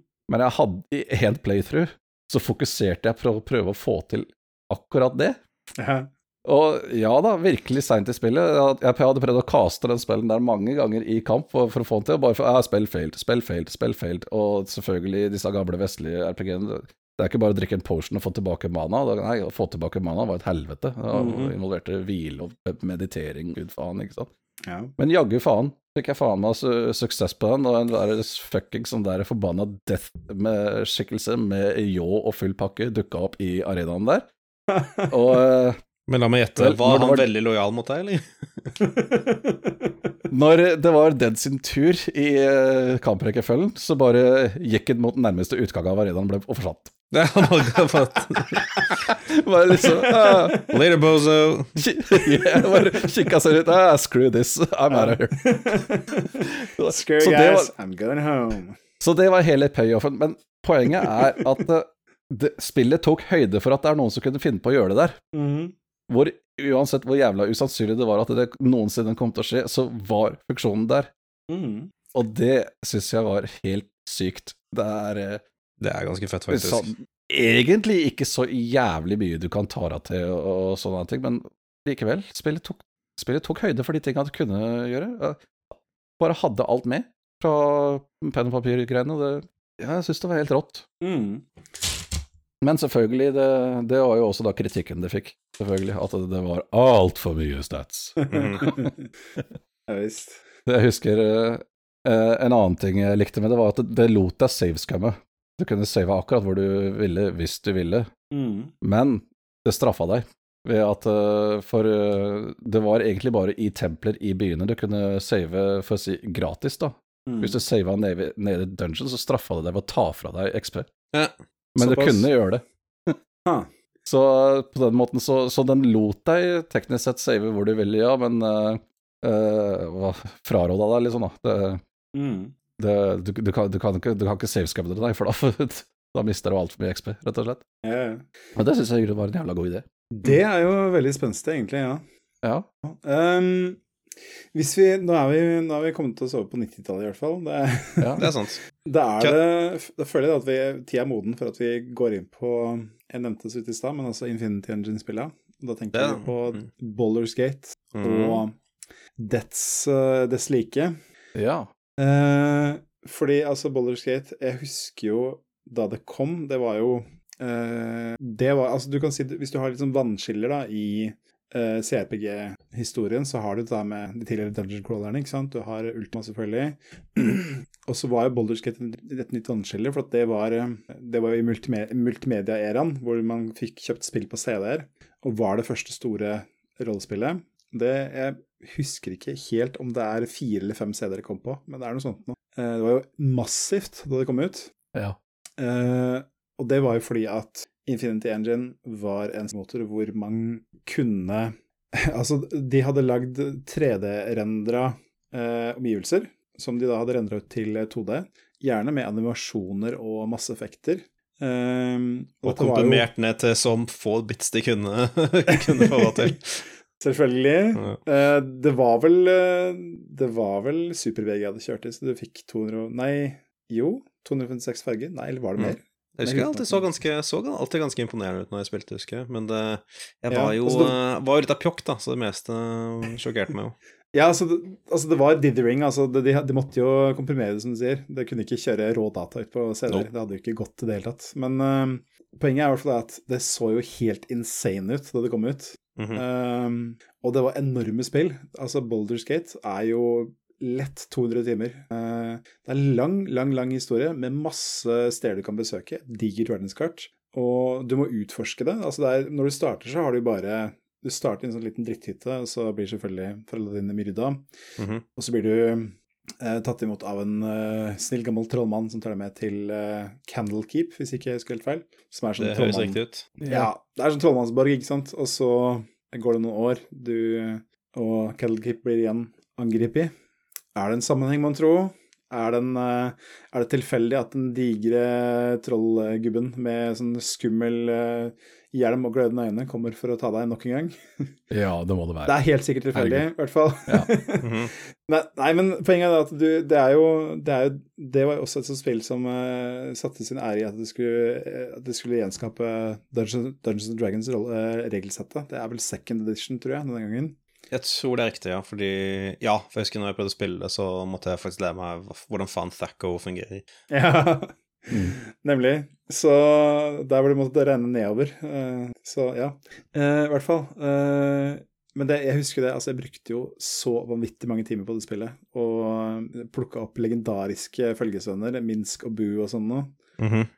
Minsk er jo da en sånn diger fighting dude med tatoveringer og som snakker som en russer. Uh, som, ha, som, da har med seg den uh, udødelige spacehamsteren sin, Boo. Yep. så klassiske, mange klassiske karakterer, mange gode historier, kule ting å utforske. Og selvfølgelig med fullt Dungeons Dragons-regelsett. Masse ting du kan gjøre. Og for ikke å glemme um, masse wacky greier. Altså, jeg husker humoren ja, ja. i det spillet var en ting som overrasket meg veldig, fordi jeg spilte jo Det er vel bare fem-seks år siden jeg prøvde meg på Boulders Gate. Uh, mm. Plukka det opp på GOG, selvfølgelig, og kjørte gjennom det. Og ja, det to tingene som overrasket meg, var typ sånn Ah, faen, det er second edition-regler, ja. Det her kan jeg ikke. uh, og um, den andre var bare hvor uh, Jeg har liksom alltid, alltid hatt inntrykk av at Baldur's Gate var en litt sånn, uh, litt sånn selvseriøs serie, men nei, nei, her var det bare masse, tull, masse tullball og bløtkakehumor. Ja, ja. Det, ja, og det er liksom Jeg husker eh, Nå har jeg glemt hva den heter, men det er en sånn Altså, dette er jo 20 år siden jeg spilte, det må sies, mm -hmm. da. Eh, jeg har på en måte ikke starta på Baldur's Skate igjen, jeg tenker at vi lar de minnene ligge. Uh, men det er en du møter, i hvert fall, som er bare en sånn skikkelig drittsekk. Altså som du Det naturlige resultatet av encounteren er at du bare dreper den, men egentlig så kan du, hvis du klarer å prate deg ut av det, så kan du få han til å bli companion og er med i partyet ditt. Og han bruker hele playthroughen på å trolle deg. Det er det, det som er stikken hans. Så Ja, det er, det er veldig artig. Og det er liksom um, Altså, Spiller du det i dag, så vil du tenke at herregud, dette her er jo så tregt og urettferdig og drit, jeg orker ikke å spille. Men uh, på den tida så var det jo forholdsvis uh, spillevennlig, med masse concessions. Uh, ting som gjør det lettere for deg. Ja, jeg eh, har også prøvd å, spille det, og liksom aldri kommet noe særlig uh, mer enn ja, kanskje ti timer ut i det, som er, er et lite stykke, men, mm. men egentlig ingenting, nei. Det er jo kjempedigert og liksom ja. Det, det, som på en måte står, uh, står, igjen for meg, er det at altså, Vi nevnte jo litt i stad hva, hva, vi forbinder med CRPG-er, og jeg tenker det at uh, for meg i hvert fall, så er Boulders Gate det er det øyeblikket hvor uh, CRPG-er fikk sitt Final Fantasy 7. Altså ja. et spill som er veldig enormt velprodusert. Veldig uh, Har fokus på historie og liksom har veldig grandiose setpieces. Og har liksom en godt designa, godt skrevet historie som det er meninga du skal uh, virkelig engasjere deg med. Det, ja. uh, så Sånn sett så kan du jo spore det framover på alle de her store CPG som kom på utover, utover etter årtusenskiftet, da. Med ja, altså Mass Effect, uh, Dragon Age, uh, Nights of the Old Republic, alle de her Bioware-spillene. Det er jo Bioware som har laga Boulderskate òg, så det er jo mm. der de begynte, på en måte. Ja, nei, Boulderskate er Jeg syns sammenligningen med Fallen Fantasy 7 er ganske god, fordi det er sånn selv om du ikke er en fan av sjangeren, så er det et spill du definitivt har hørt om, bare fordi det har vært mm. så mye uh, hubbub rundt det, liksom. Mm. Ja. ja. Det er um, Nei, altså For meg så er det Det, det, det, det er en bauta, altså. Og det, mm. det, er kanskje derfor jeg ikke er så glad i Final Fantasy 7. men uh, Nei, altså Men uh, det, var jo bare starten på en æra, egentlig. Uh, jeg skal ikke gå like nøye inn på alle, men altså Boulder Skate 1 og 2, det er Altså, du, du, altså, For min del så var det godt Så skulle du jobbe hardt for å slå de, altså. Mm -hmm. Men er det, ikke, er, er det ikke er liksom ikke Ikke, vits jeg alltid hørte om Boulder Skate-spillene, var at uh, du må spille i hvert fall 100 timer før det faktisk kommer til Boulder Skate. ja, jo, jo, det må du. Bruker, Ja, bruker jævlig mye tid ute i skauen. Så. Ja, det er helt riktig. Det, er vel, det har de vel videreført til Boulder Skate 3 òg, tror jeg. Så. Ja, jeg kan rapportere at jeg er som sagt uh, snart på slutten av akt 2, og jeg har ennå ikke satt en fot i nærheten av Boulder Skate engang. Nemlig. Ikke sant. Nei, men uh, du kan si at uh, det kom jo en, uh, flere serier ut av dette her. Som, altså flere Bioware lagde jo flere spill, og det var flere utviklere som lisensierte motoren og lagde sine egne spill. du har Icewind Dale. Jeg skulle til å nevne det, ja. ja. Som jo er altså samme greia, altså hardcore Dungeons and Dragons, bare at der, der er det mye mer fokus på kamp. Ja, det er det jeg også har hørt. Jeg har ikke spilt det, men jeg har mm. hørt at det, der er veldig mye mer ja, som du sier, fokus på kamp. Altså strategien mm. Strategien i det, da. Ja, altså det, det, er, det, er, ikke dermed sagt at ikke Boulder Gate har det, for det har det absolutt. Men det er, ja, ja. der er liksom historien i hovedsettet. Men uh, et som må nevnes uansett, det er jo selvfølgelig Planescape Torment. Mm -hmm. Som uh, er legendarisk. Altså det, er liksom, det var jo en periode hvor liksom folk sa at uh, liksom det er, det er spillenes Citizen Kane, liksom. Og yes. jeg er ikke helt uenig. Uh, det som Du kan si at hvis Boulderskate er på en måte litt sånn jack of all trades, så har du Icewind Dale som er kamp, og så har du Playskate Tournament som er historie. Som har en vanvittig godt skrevet historie. Det er Chris Avalon ja. er han som sto bak det. Dette var Black Isle som lagde det i sin tid. Ja da. Uh, Chris Avalon har vel sagt at han skrev sånn 400 000 ord til det spillet. Ja. Tviler jeg ikke på. Det, er, det, det er Jeg prøvde jo meg som sagt på Baldur's Gate, men jeg ramla litt av bare fordi Jeg tror jeg bare endte opp med å bare ha en Jeg slet veldig med slåssesystemet, uh, og bare endte opp i en fight som bare var helt umulig å komme ut av. Uh, og da tenkte jeg æh, dette funka ikke helt. Men Planescape Torment plukket jeg opp etterpå fordi uh, Ja, akkurat det du sier, Chris Avalon jobbet på, det var Black Isle. Um, mm. Og Black Isle har jo også laget Fallout-spillene, som var min første møte på en måte med den sjangeren her. Men yes. de vil jeg gå gjennom etterpå. Men uh, Ja, absolutt. uh, Planescape, ja, Planescape Torment uh, var faktisk det jeg gikk, andre spill jeg gikk tilbake til, da. Mm. I, ettertid, I mange år ettertid. Det var sånn Faen, dette er jo faktisk dritfett. Mm. Det, det funka mye bedre enn Baldur's Gate for min del, i hvert fall. Ja, ja, for mm. sjøl om Planescape Torment, Torment har jo kamp, men mm, uh, det er ikke fokus på det spillet i det hele tatt. Mm. Nei. Det er overhodet ikke Eh, en stor utfordring å komme gjennom, sånn sett. Mm. Nei. Og så, så, er det det at eh, altså, du kan Det første området du starter i, som er det der eh, likhuset, eh, ja. det kan du blaste gjennom på sikkert 20 minutter, tenker jeg. Eller du kan bruke fire timer. Det er eh, hva du velger å fokusere på. Yes. Så det er så mye du kan undersøke og fundere over og liksom Du kan sjekke noe, plukke opp en ting, snakke med noen andre, og så får du en helt ny greie du kan spinne videre på. En liten ja, subquest eller ja, ikke sånne ting. Og så godt som alt du tar og undersøker og kikker på eller snakker med, så er det en liten interessant historie bak det. Mm. Mm. Absolutt alt. Ja. Og, så er det også og, det behøver ikke, og det behøver ikke være noe payoff på slutten heller. Det er liksom Payoffen er den his, mm. his, lille historien. Mm. Ja. Nei, det var et spill som jeg følte virkelig belønnet meg, som er en type spiller som Når jeg spiller sånne ting som Deus X og Dishonored, så leser jeg alle bøkene og alle e-postene jeg finner, liksom. Sånn, uh, oh, ja, yes. så klart. Ja. Men det hjelper veldig også at Planescape Torment er jo satt i en jævla kul setting også, fordi mm. det, det jeg er usikker på om faktisk var veldig tydelig for folk, er jo at eh, Planescape Torment er satt i samme univers som Baldur's Gate og, Dun og Dungeons Dragons universet generelt. Fordi uh, Baldur's Gate skjer jo i The Material Plane, som liksom er jorda i Gåstein. Mm, Men du har jo alle disse forskjellige planesene i denne verden her, hvor liksom sånn, um, sånn Demonene kommer fra et uh, ene plane, uh, uh, feer og alver og sånne ting kommer fra et annet plane. Det er en sånn konstellasjon da, av dimensjoner som alle har sine egne elementer og, og sånne ting.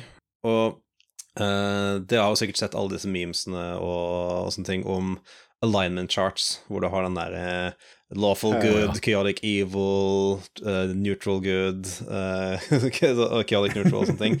Um, det er jo gamle alignment-systemet til uh, The Dragons, og mm.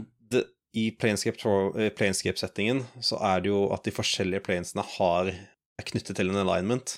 Så du kan ha en veldig Du kan ha en by hvor alle er veldig lawful good og er veldig sånn der Sånn der ja, Prektige. Det, ja, veldig sånn prektige, sånn basically sånn Elysium, sånn uh, Det perleporten og alt det der, da. Men hvis plutselig alle det her skulle begynne å bli noe skikkelig rasshøl, og de bare begynner å dyppe mer over mot kanskje lawful evil, så vil hele byen fysisk bli teleportert til det andre det planet som responderer til lawful evil. Mm. Og det er jo en del av plottet i spillet også, da, at noen prøver på en måte å fucke med balansen da, mellom disse planene. Ja. Og så, og så, er det en annen ting som jeg alltid liker veldig godt med det spillet, det er at uh, du er jo i den byen som heter Sigil, som mm. er City of Gates, eller hva det heter for noe. Ja, men midt i smøret. Ja, det er liksom det som er navet i hele, hele, alle disse dimensjonene. Og mm. Uh, porter til andre dimensjoner. Det kan være hva som helst. Det kan være at du går mot klokka rundt en søyle mens du tenker på været mm. for to dager siden, liksom. Ja, så er det plutselig ja. et helt annet sted. Og så møter er, alle, altså, alle folka du møter også, er så snåle. Det er jo sånn der mm. Ja, det er jo sånne romvesener, basically, fra, fra, fra, alle mulige planeter, liksom. Ja, og så må det nevnes at du vekkes opp i starten av spillet av en snakkende hodeskalle med øyne, mm, som heter. Morty. Som er sånn her uh, wise guy, uh, nesten Chicago gangster-drawl på ja, ja. snakker. Det er så dritbra. Nei, så... ja, eh, jeg personlig syns det var egentlig var den dårligste karakteren i hele spillet. Ja, han, han var litt mye, litt sånn comedy relief. Ja. Jeg likte han, tol, jeg likte han tollmannen som var permanent, som permanent brant fordi han var så dårlig på magi. ja. Yes. Det er så det er smak og behag, selvfølgelig, men altså, jeg liker Morty. og jeg syns han alltid er veldig kul. Det er uh, Altså, det er liksom Det er noe med dette her med at du våkner opp i en verden Altså, Conceit i spillet er jo at du er the nameless one, en person som ikke har en skjebne, uh, i en by hvor uh, alle, alles skjebner er knytta til at de skal brukes om igjen i disse her skalla mm. som de lager i likehuset. Um, og Morty er liksom han er jo din foil, ikke sant. Altså, du er straight man, uh, og du vet ingenting om hva som foregår her, og du må bare prøve å pusle det sammen av alle småbiter. Og han er liksom sånn bare som Han er den som ja, hadde stikket deg i nyrene da, hver gang du gjorde noe dumt, hvis han hadde kunnet gjort. Uh, så jeg liker han veldig godt. Det er, jeg synes det er veldig det er liksom det er en veldig sånn dyster og veldig uh, egentlig veldig deprimerende verden, men liksom, han gjør at det blir mm. litt komisk skjær over det hele. Jeg liker det veldig godt. Utseendet utseende på spill er også dritfett. Altså, det ser jo ut som oh, yes. uh, noe designet av Ajar Geiger, liksom. Bare sånn mm -hmm. Masse sånne rare pigger og organiske klumper overalt, liksom sånn. Og du tenker mm. typ sånn Nei, du kan ikke ha en dør her. Det må være nødt til å være en sånn derre uh, apparaturlinse laget av flaggermusvinger og sånne ting. Bare sånn helt sånn koko bananas uh, visuell direction på det, liksom. Oh yes. Og det er liksom Når det første du kan plukke opp, er eh, en krukke med balsameringsvæske, da vet du at du har liksom Du har en lystig stund foran deg. mm -hmm. Ja, nei, men det, veldig sånn Det spillet på en måte vekte liksom den anerkjennelsen litt for body horror, da, for meg i hvert fall. At ja, absolutt. du eh, og det er noe jeg er veldig fascinert av den dag i dag. Synes det er veldig, altså det er både, liksom både frastøtende og veldig veldig interessant og veldig mm. kult. Den gjorde jo, Du nevnte jo The Nameless One. Uh, mm. Vi nevnte jo pratet jo litt tidligere det her om at uh, um, sånne CRPG-er gjerne har at du lager din egen karakter uh, fra mm. scratch. Mm. Men her spiller du faktisk på en måte De, de hadde en ganske sånn smart vri på det her, hvor du, du, spiller på en måte en etablert karakter. Altså The Nameless One. Mm er jo noen, og han viser seg å være ganske viktig på en måte lenger, lenger ned i løpet, da. Mm. Men uh, han, han har jo ingen hukommelse, han har jo ikke noe identitet, så du må på en måte bare lappe sammen uh, hvem han en gang var. Så om du vil være liksom en sånn fighter-type som er sterk og svinger sverden, så kan du det. Eller hvis du vil være en magibruker, så kan du også gjøre det, da. Så um, jeg syns det var en sånn interessant på en måte ja, Ikke at disse konvensjonene er veldig sterke, strenge, da, men en kul på en måte vri på den, eh, den konvensjonen, da. Mm, absolutt. Vel, eh, for det, det, viser seg jo at han har jo dødd og våkna igjen ganske mange ganger, oh, ja. han her. Så han har vært han har vært alle disse tingene mange ganger. Mm. Ikke sant? Så derfor alle disse her skillsa hans bare det ligger latent. Ja, Du bare husker, du bare husker ting fra tidligere liv. Ja. ja, ja. Han er jo dekt av tatoveringer som han i utgangspunktet ikke forstår hva betyr. For uh, blant annet. Sånne ting som forklarer litt om uh, mm. Hvem han er, og hva han har oppdaga, og ja. Det, er, det, blir, det, blir, veldig komplisert ganske fort. Mm. Ja, det er alltid gøy å liksom gå inn i, en, gå inn i et uh, rom, og så bare noen er bare sånn Ah, oh, fuck, it's you again. og ja, det bare sånn, ja. Ok, la oss finne ut hva som har skjedd her, da. ja. Yes. Ja, han møter jo møter han jo ikke noe kvinnfolk som han det viser seg han har vært gift med eller hatt et forhold til i mange årevis og sånn. Så du møter sånn tre ekskoner eller noe sånt? Ja, Ja, ja, ja, hvem er du? yes. Da er det vel på sin plass å nevne at det fikk til slutt en opp, slags oppfølger også. Jepp. Torment Tides som, of Numenera. Tide, Torment Tides of Numenera, ja. ja. Som, som da av en eller annen grunn ikke ikke hadde den der Dungeons and Dragons eh, Planescape-lisensen. Så Derfor så er det bare en åndelig oppfølger. Ja. ja. Men det er like fullt uh, en verdig oppfølger. Det er forbanna bra skrevet. Jeg har hørt, mm. hørt, veldig mye bra om det. Jeg har ikke fått spilt ja. det. Nei, jeg, jeg, har, jeg, har, ikke kommet ordentlig i gang med det, men det står absolutt på lista, altså. Det er, men det er, ja, det, mm. det er også sånn som tar, det tar tid. Ja.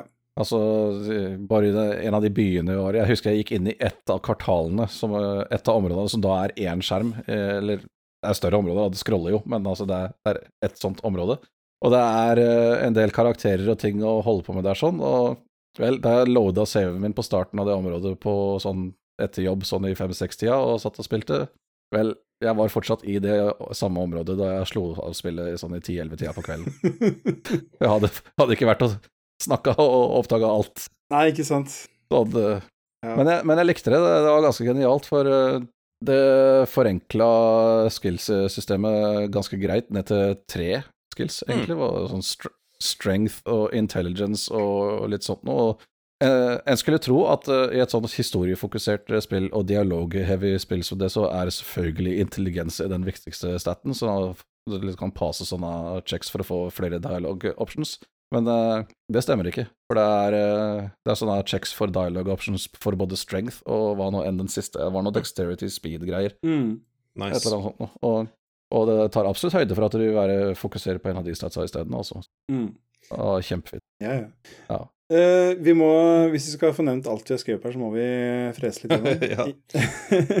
Før vi Altså, vi, vi, må selvfølgelig prate om både Elder Scrolls og Fallout, men jeg vil mhm. bare nevne at når vi er inne på Bioware, så må jeg også nevne Neverwinter Nights. Ja. Som jeg har spilt fullstendig i hæl. Mm -hmm. uh, både hovedspillet og alle tilleggspakkene. Um, mm. det, er jo en, altså det var jo på en måte Bioware som lagde uh, en ny vri på Boulder Gate-greia. Uh, bare i 3D denne gangen. Yep. og for en 3D! og for en 3D. Det var helt legendarisk da det kom. Det så jo så bra ut. Ja. Um, men uh, i dag, selvfølgelig, kan, det er igjen uspillbart. Det er så janky. Men uh, det er også veldig mange kule set pieces. Uh, noe av gimmicken var det at de, hele spillet var modulært. sånn at du kunne, du kunne også laste, legge inn en spilleditor og lage dine egne rollespillkampanjer i mm. den editoren de brukte for å lage spillet. Med scripts, med full historie, med egne NPC-er og egne encounters og alt mulig rart. Um, jeg glemte jo ikke å nevne det spillet her i Modde-episoden, men jeg husker den Modde-editoren jeg satt og lekte med en del med også. Ja, ja.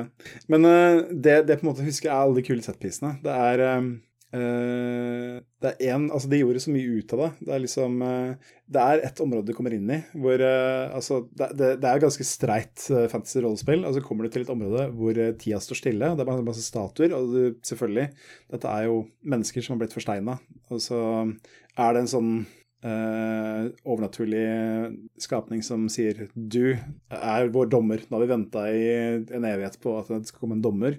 Du må avgjøre saken, finne ut av hvem som er den skyldige, og hvem som skal dø. Og så vil din dom bli utført. Og Så må du da prate med alle i området.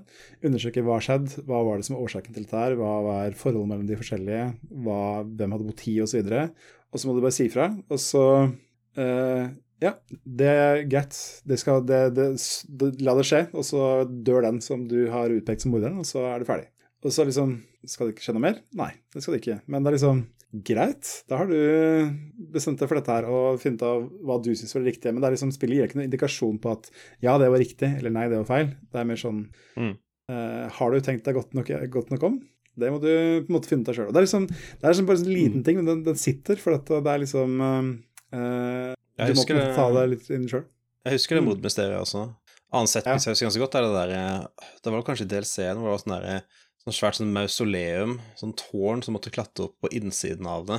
Det husker jeg altså yep. imponerte veldig, for det var sånn det var litt den der tidlige versjonen av den derre Dark Souls-effekten, hvor du på en måte kan se området du har vært i tidligere, i bakgrunnen, og du skal, kan mm. liksom se dit du skal gå etterpå alt det her, da. Det syns jeg var sånn her, oh, dette er kult, liksom. ja, ja. Nei, så det er eh, Det var jo et forsøk på å på en måte lage eh, et verktøy for å at du kunne lage dine egne rollespilleventyr, og så mm. slo det vel ikke helt an som det. Men uh, det har jo også Hva skal jeg si Det har jo fått sin arvtaker, og det er jo veldig enkelt, fordi at det et spill som brukte Neverwinter Nights-motoren, riktignok veldig modifisert, det er The Witcher. Ja, det er det det ja. Og så hvis du lurer på, hvis du har spilt The Witcher 1 og lurer på hvorfor i granskauen den, uh, det kampsystemet er så vanvittig janky, så er svaret jo, for det er Neverwinter Nights-motoren. mm -hmm. Akkurat. Så det er, det er ikke laga for uh, samtids action-rollespilling. Det er det ikke. Nei. Det er faktisk ganske imponerende gjort. Det er det. Veldig kult. Yes, men uh, det, det, altså du kan si, Vi har jo vi har ikke nevnt det, men altså en annen ting som vi kan si da om uh, CRPG-er, er det at det er fantasy-spill. I hvert fall fram til Fallout kom. Mm. Ja. til forskjell fra altså, Vel, til, altså ja. uh, Det rettelse fra Wasteland. Ja, Wasteland. Wasteland. Wasteland. Skal, vi, ja. skal, vi, snakke Fallout, så må, må vi også Vi må snakke om Wasteland, Wasteland. selvfølgelig. Det er, ja, yes. det er helt riktig, Terje. Altså, Wasteland kom jo først, og var liksom etablerte den settingen. Var det ikke også et Ville Vest-nett? Det kom kanskje senere også? Uh, jeg føler jo at Wasteland har litt sånn Ville Vesten-vibber i mm. seg. Men Altså, liksom, ja. mm. altså, Fallout, eh, altså, du kan si Fallout bygde videre på Wasteland. Altså, det, det var jo postapokalypse. Post mens uh, Fallout etablerte hele det der med alternativ historien med at uh, Vel, ja. da de laga Fallout, så ville de jo lage Wasteland 2. Ja. Men rettighetene var satt fast hos den utgiveren som de hadde gitt ut Wasteland hos, og de, ja, de fikk ikke tak i det. Mm. Ikke sant?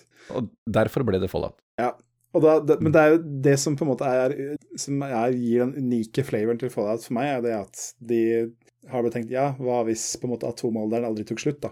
Før den plutselig gjorde det. Vel, ja, jeg skulle si den tok vel ganske brått slutt. Det var litt av greia. Men uh, Nei, altså det Altså, alle kjenner jo sikkert til Fallout pga. Bethesda-spillene. Mm. Skyrim, with, uh, Skyrim with Guns, som det ble kalt. Men mm.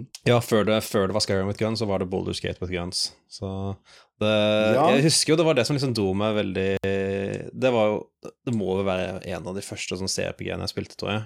For jeg husker mm. bare Jeg husker ikke hvordan jeg ble interessert, men jeg husker bare det var det at settingen var så uvanlig. Ikke bare, ikke bare for et uh, rollespill, ja, men bare for videospill generelt, egentlig.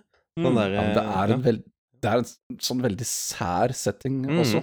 Mm. Altså, ok, det er postapokalypse etter at atomkrigen har vært. Yeah. Så jeg husker, men jeg husker ikke nøyaktig når Var det sånn rundt den tida her? Var det ikke sånn rundt 2010 eller 2015 nei, som atomkrigen skjedde? Nei det, som, nei, det er det som er så funny med ja, men, det. Er at det skjedde i 2140.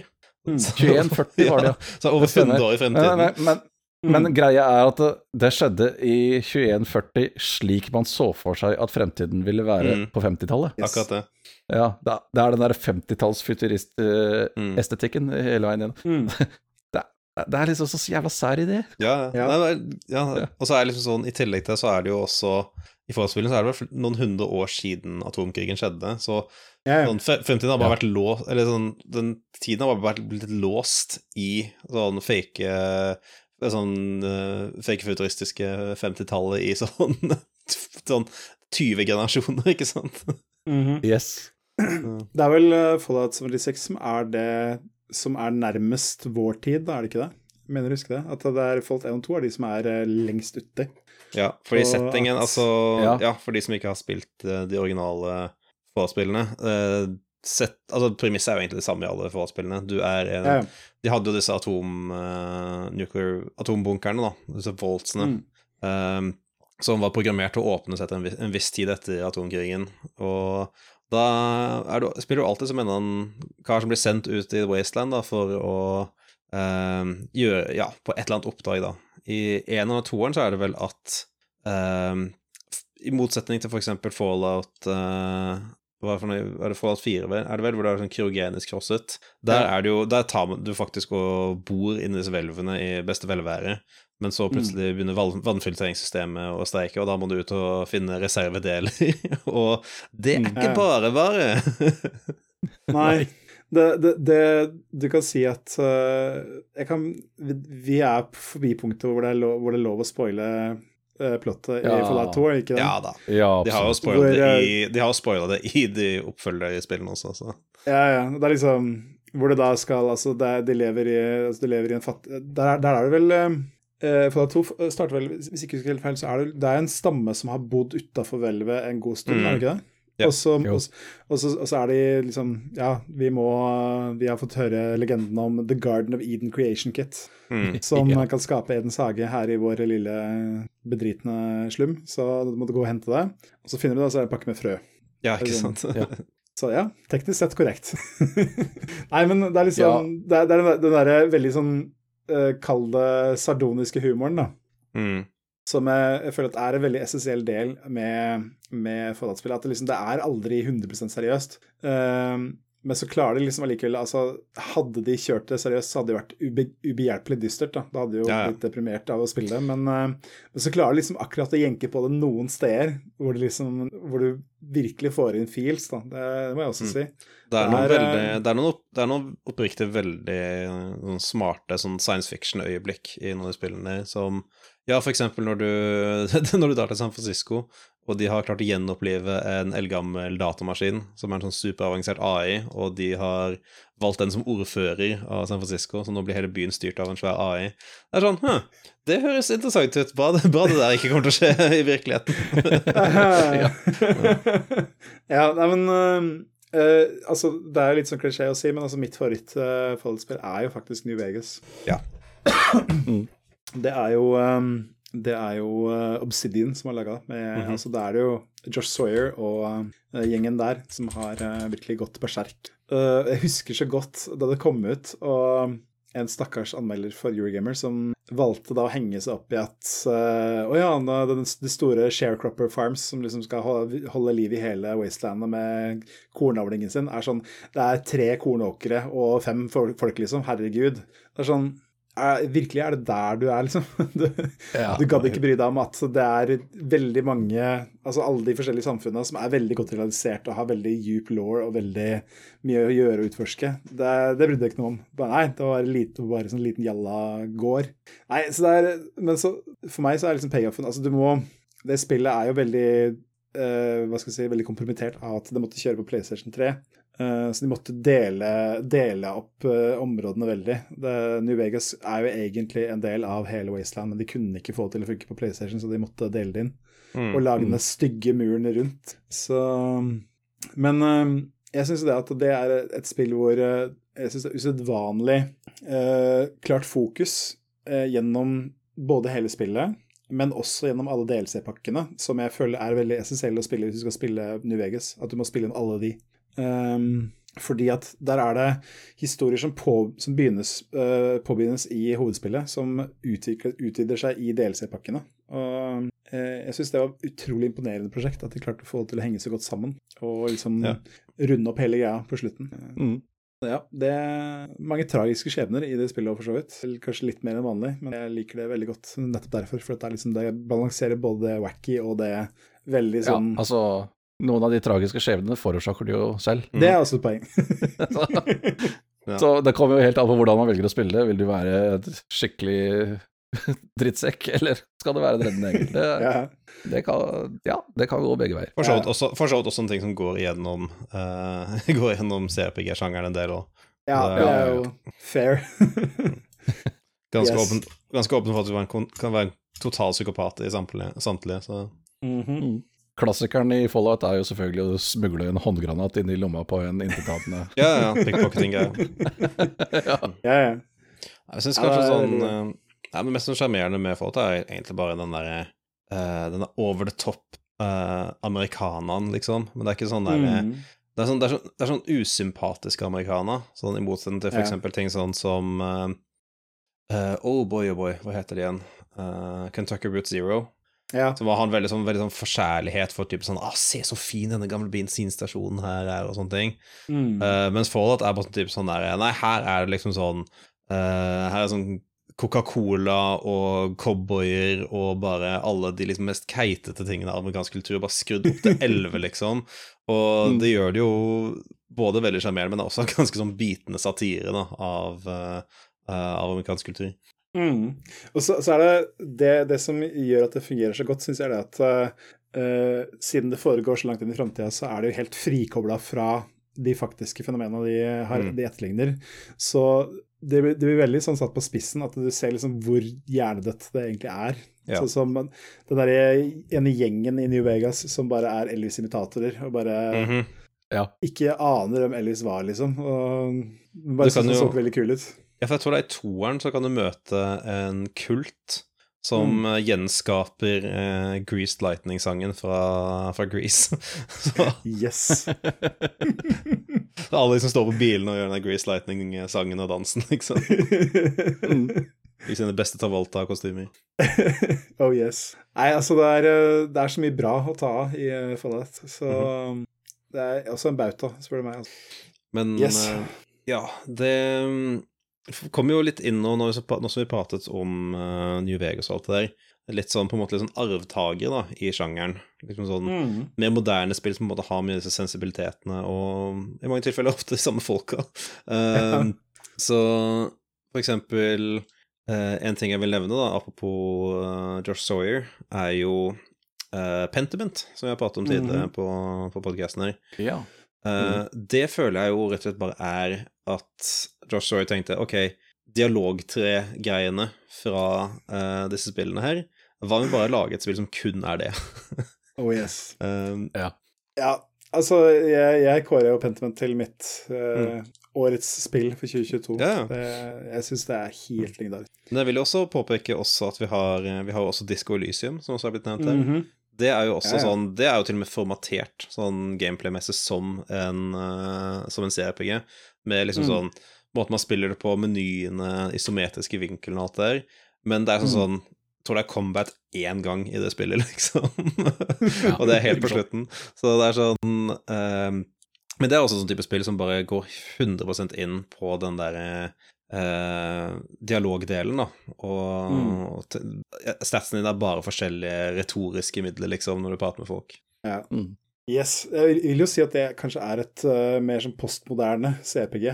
Mm. Altså bruker, uh, som du sier, altså bruker hele, altså hele hva skal jeg si, overflatesystemet, ja, ja. men skaper en helt annen opplevelse av det.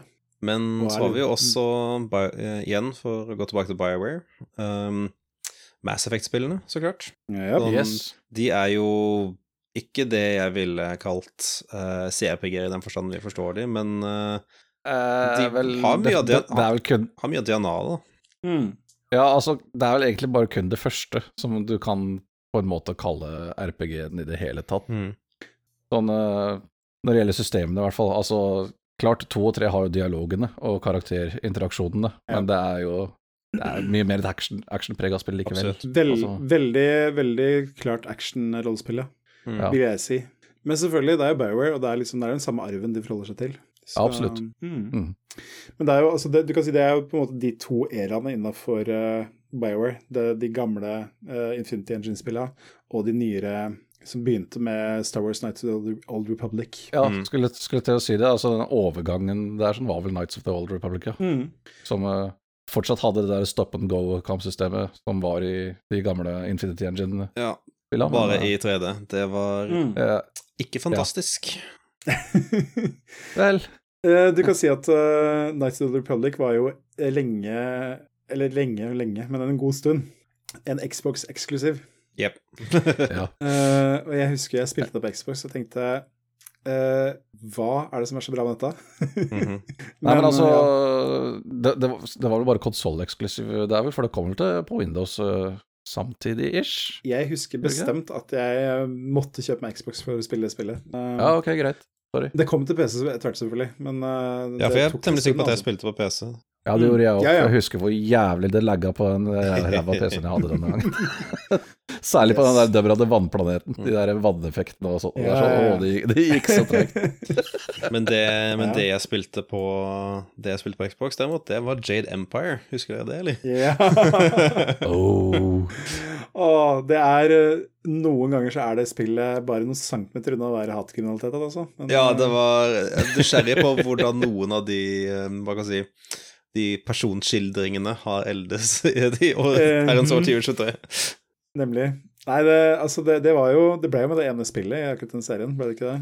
Uh, ja, det skulle jo bli mer, men de droppa det. Det er mm. kanskje litt greit. Det er noe med at altså, når du baserer det så veldig tett på eksisterende kultur, så ja. da må du på en måte Altså, jeg tenker jo altså Det er litt som at uh, Altså, jeg er ikke noe glad i begrepet kulturell appropriasjon. Det, liksom, det, det, føler, det, det, krysser litt grensa, føler jeg, når de gjør aksenter og sånne ting. Liksom, ja, det er veldig sånn høy, veldig sånn høy grad av sånn SNL, uh, kinesiske aksenter, liksom. Det er det, altså. Jeg syns, jeg syns de bomma på det. Mm -hmm. Det burde de ha gjort på en annen måte. Men ja. Mm -hmm. Yes.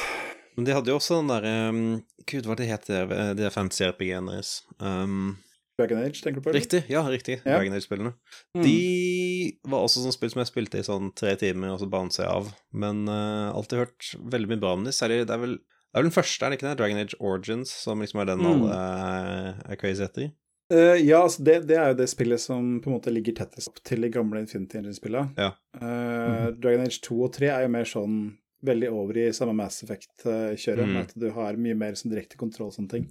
Ja. Men uh, Uh, altså, du kan si jeg likte veldig godt uh, Dragon Age, for at det var uh, det, Der kjørte de veldig den stilen med at du har en episk historie, og det, det, du gjør, det har noe å si for hvordan historien utvikler seg. Og du har folk du kan få som romantiske partnere, osv. Ja. Som har blitt en staple i den typen spill. og det starta ja. der. Jeg vet ikke hvor glad jeg er for det, altså. Ja. Uh, ærlig talt. Ja, greit at du kan ha et uh, romanse-subplot eller et eller annet sånt. Eh.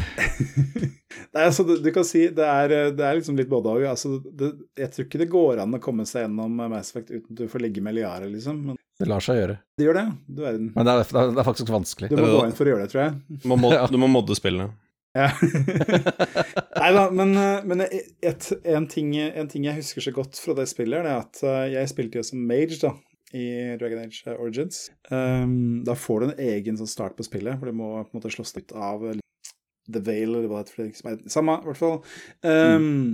uh, jeg, husker les, jeg, jeg, husker at jeg syntes det var så vanskelig å spille som mage, så jeg bytta etter hvert. Um, og så leste jeg etter noen år så leste jeg en som uh, tok opp dette her med hvor viktig det er å være presis når du beskriver mekaniske ting i spill.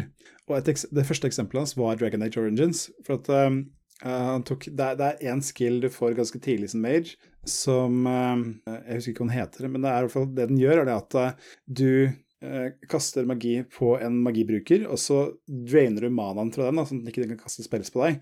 Og det er essensielt ja. for magikere i spillet. Du må bruke den. Det er meninga du skal starte med det, og så skal du på en måte, da har du overtaket, og så skal du på en måte blaste. deg. Eh, jeg brukte aldri den, fordi det står i skillen at uh, expend a large amount of mana to drain mana from your opponent. Ja, tenkte, ja, du bruker all mannen min på det, da. Og det var det som poenget. Så det, det, det, bruker ikke mye mana, det bruker bare litt. Men det er liksom poenget altså, Det den prøver å skildre, det er at det her er en stor magisk kraft. ikke sant? Det, det koster ikke mye mana i det hele tatt. Du, du, må bruke den. Det er meninga du skal ta utgangspunkt i den. Men jeg brukte mm. den aldri, for jeg tenkte å ja, da bruker jeg på all mannen min. Jeg vil ikke bruke den. Så det er liksom ikke umulig at du gjorde akkurat den samme feilen, og at det var derfor jeg falt av uh, Origins uh, sjøl. På samme måten. Det, det, lukter veldig som om ting som var de playtesta veldig mye internt. Uh, så mye at alle ble bare vant til at den mekanikken er like naturlig som å hoppe i Super Mario, men de aldri forklarte folk hvordan man skal ja, hoppe i Super Mario. ja, nemlig. Ikke sant. ja, nei, men det er, altså, Jeg vil ikke si at det er et dårlig designet spill av den grunn. Jeg syns det er et veldig kult spill. Og de, de, de, kjørte veldig hardt på det at her er det en historie som endrer seg basert på hvor lang tid de bruker på ting, og hvilken rekkefølge de gjør ting. Så mm. det er, det er lagd for å spilles flere ganger, og det likte jeg veldig godt. Yes, uh, mm. da har vi klart oss gjennom hele episoden så langt uten å nevne The Elder Scrolls i det hele tatt. Ja. Føler veldig sånn indirekte Altså, det Vel, det fins noen spill som heter Morrowind og Oblivion og Skyrim og Daggerfall og Arena. Ja, google dem. Liker jo og, veldig godt, jeg liker jo veldig godt Morrowind. Uh, med ambivalent ja. mot uh, Skyrim Oblivion, men en ting jeg vil gi liksom uh, Altså, det er sånne spill som jeg ikke som på en måte føler nødvendigvis er så tett Nei, nå, nå, nå prater jeg utover, egentlig. For sånn, de har litt sånn samme greia som med Fallout, hvor de har disse dialogtærne og mye av liksom den At det er liksom helt sånn åpent for hva slags karakter du lager, og så videre. Men at jeg på en måte mm. følt at liksom sånn, det er ikke det som på en måte er den sterke, sterke delen i Betesta-spillene. Um, altså skrivingen eller karakteriseringen og, og på en måte character, character-drevne gameplayet. Men jeg syns de lager skikkelig bra verdener. Sånn, mm. Jeg, jeg syns liksom sånn Altså, si hva du vil om liksom plottet til Fallout 3 og Skyrim og alt det der. Det er bare en verden som er bare gøy å bare sose rundt i og bare løfte på stener og se hva du finner, og ja. de er flinke mm. til å på en måte gjemme interessante ting bak hver eneste krik og krok i de verdenene. Mm. Ja, det er, det er, kjempemye. Altså, jeg starta på Morrowind her for uh, noen år siden. Jeg har det mm. fortsatt installert, faktisk, men tror, det er to-tre år siden sist jeg spilte ja. på det nå. Og jeg, jeg, har så jævlig mange timer i det, og jeg har vel kanskje fylt ut uh, halve kartet. Ja, ikke sant. Ja. Ikke sant? Det er, og, og, det er uh, Morrowind det er et av de er mindre av de spillene. Mm -hmm. ja. Altså, Dagger, Daggerfall er jo det største spillkartet i verdenshistorien, tror jeg. Det er, ja, det er, det er, det, det er bare latterlig. Men det er jo randomly generated, altså det er ikke så spennende. Ja, mm. uh, En ting jeg vil nevne som eksempel på hvorfor jeg aldri kommer til å på en måte med mindre de endrer totalt, kommer til å tenke at uh, Elder Scrolls ikke er bra. Det er det at uh, Sånn som Morrowind. Når du kommer deg av båten, inn i byen, får lagd karakteren din, får prate med folk i byen og kommer deg ut og skal gå videre Det første du, som skjer med deg omtrent, er at det bare Du hører et skrik, og så ramler det en kis ned i mhm. bakken foran deg. Ja.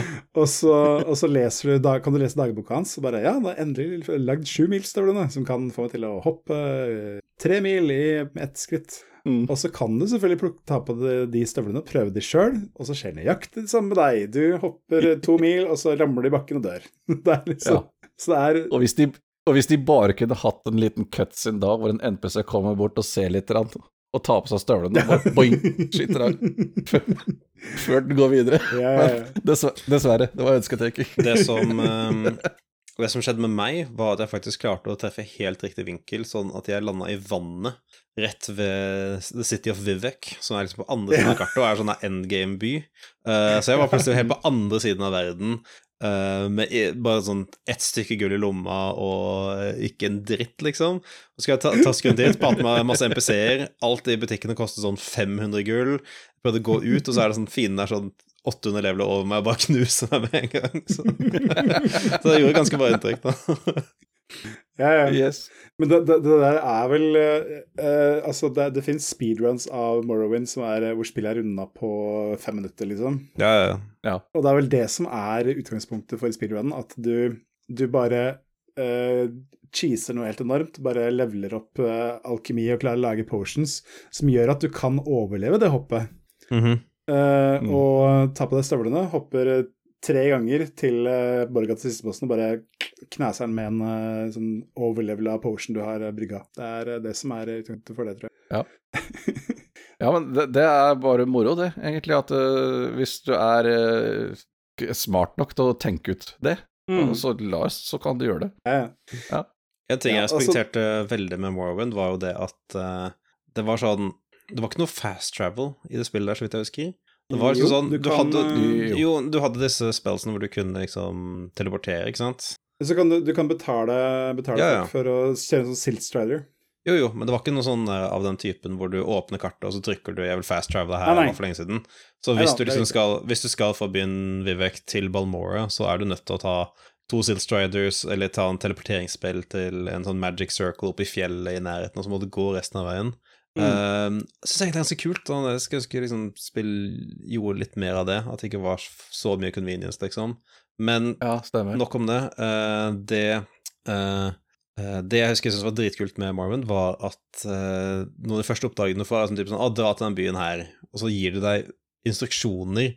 Sånn det er type sånn 'Følg denne veien her', uh, Følg denne veien her opp til en innsjø, ved den ta andre til høyre, gå oppover til du finner disse de, noen dvergruiner. Uh, hvis, du tar, mm. hvis du tar krysset til venstre forbi de, så kommer du til byen uh, etter ca. 800 meter. Og det var sånn wow, what the fuck? Det, det jeg hadde det i Quest-loggen min, og så fulgte jeg de, og så så jeg ble, Husker jeg ble så imponert over at jøss, alt det her er jo riktig, liksom. Mm. Ja.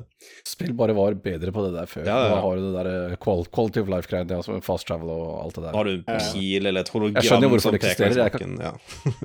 Ja, ikke sant?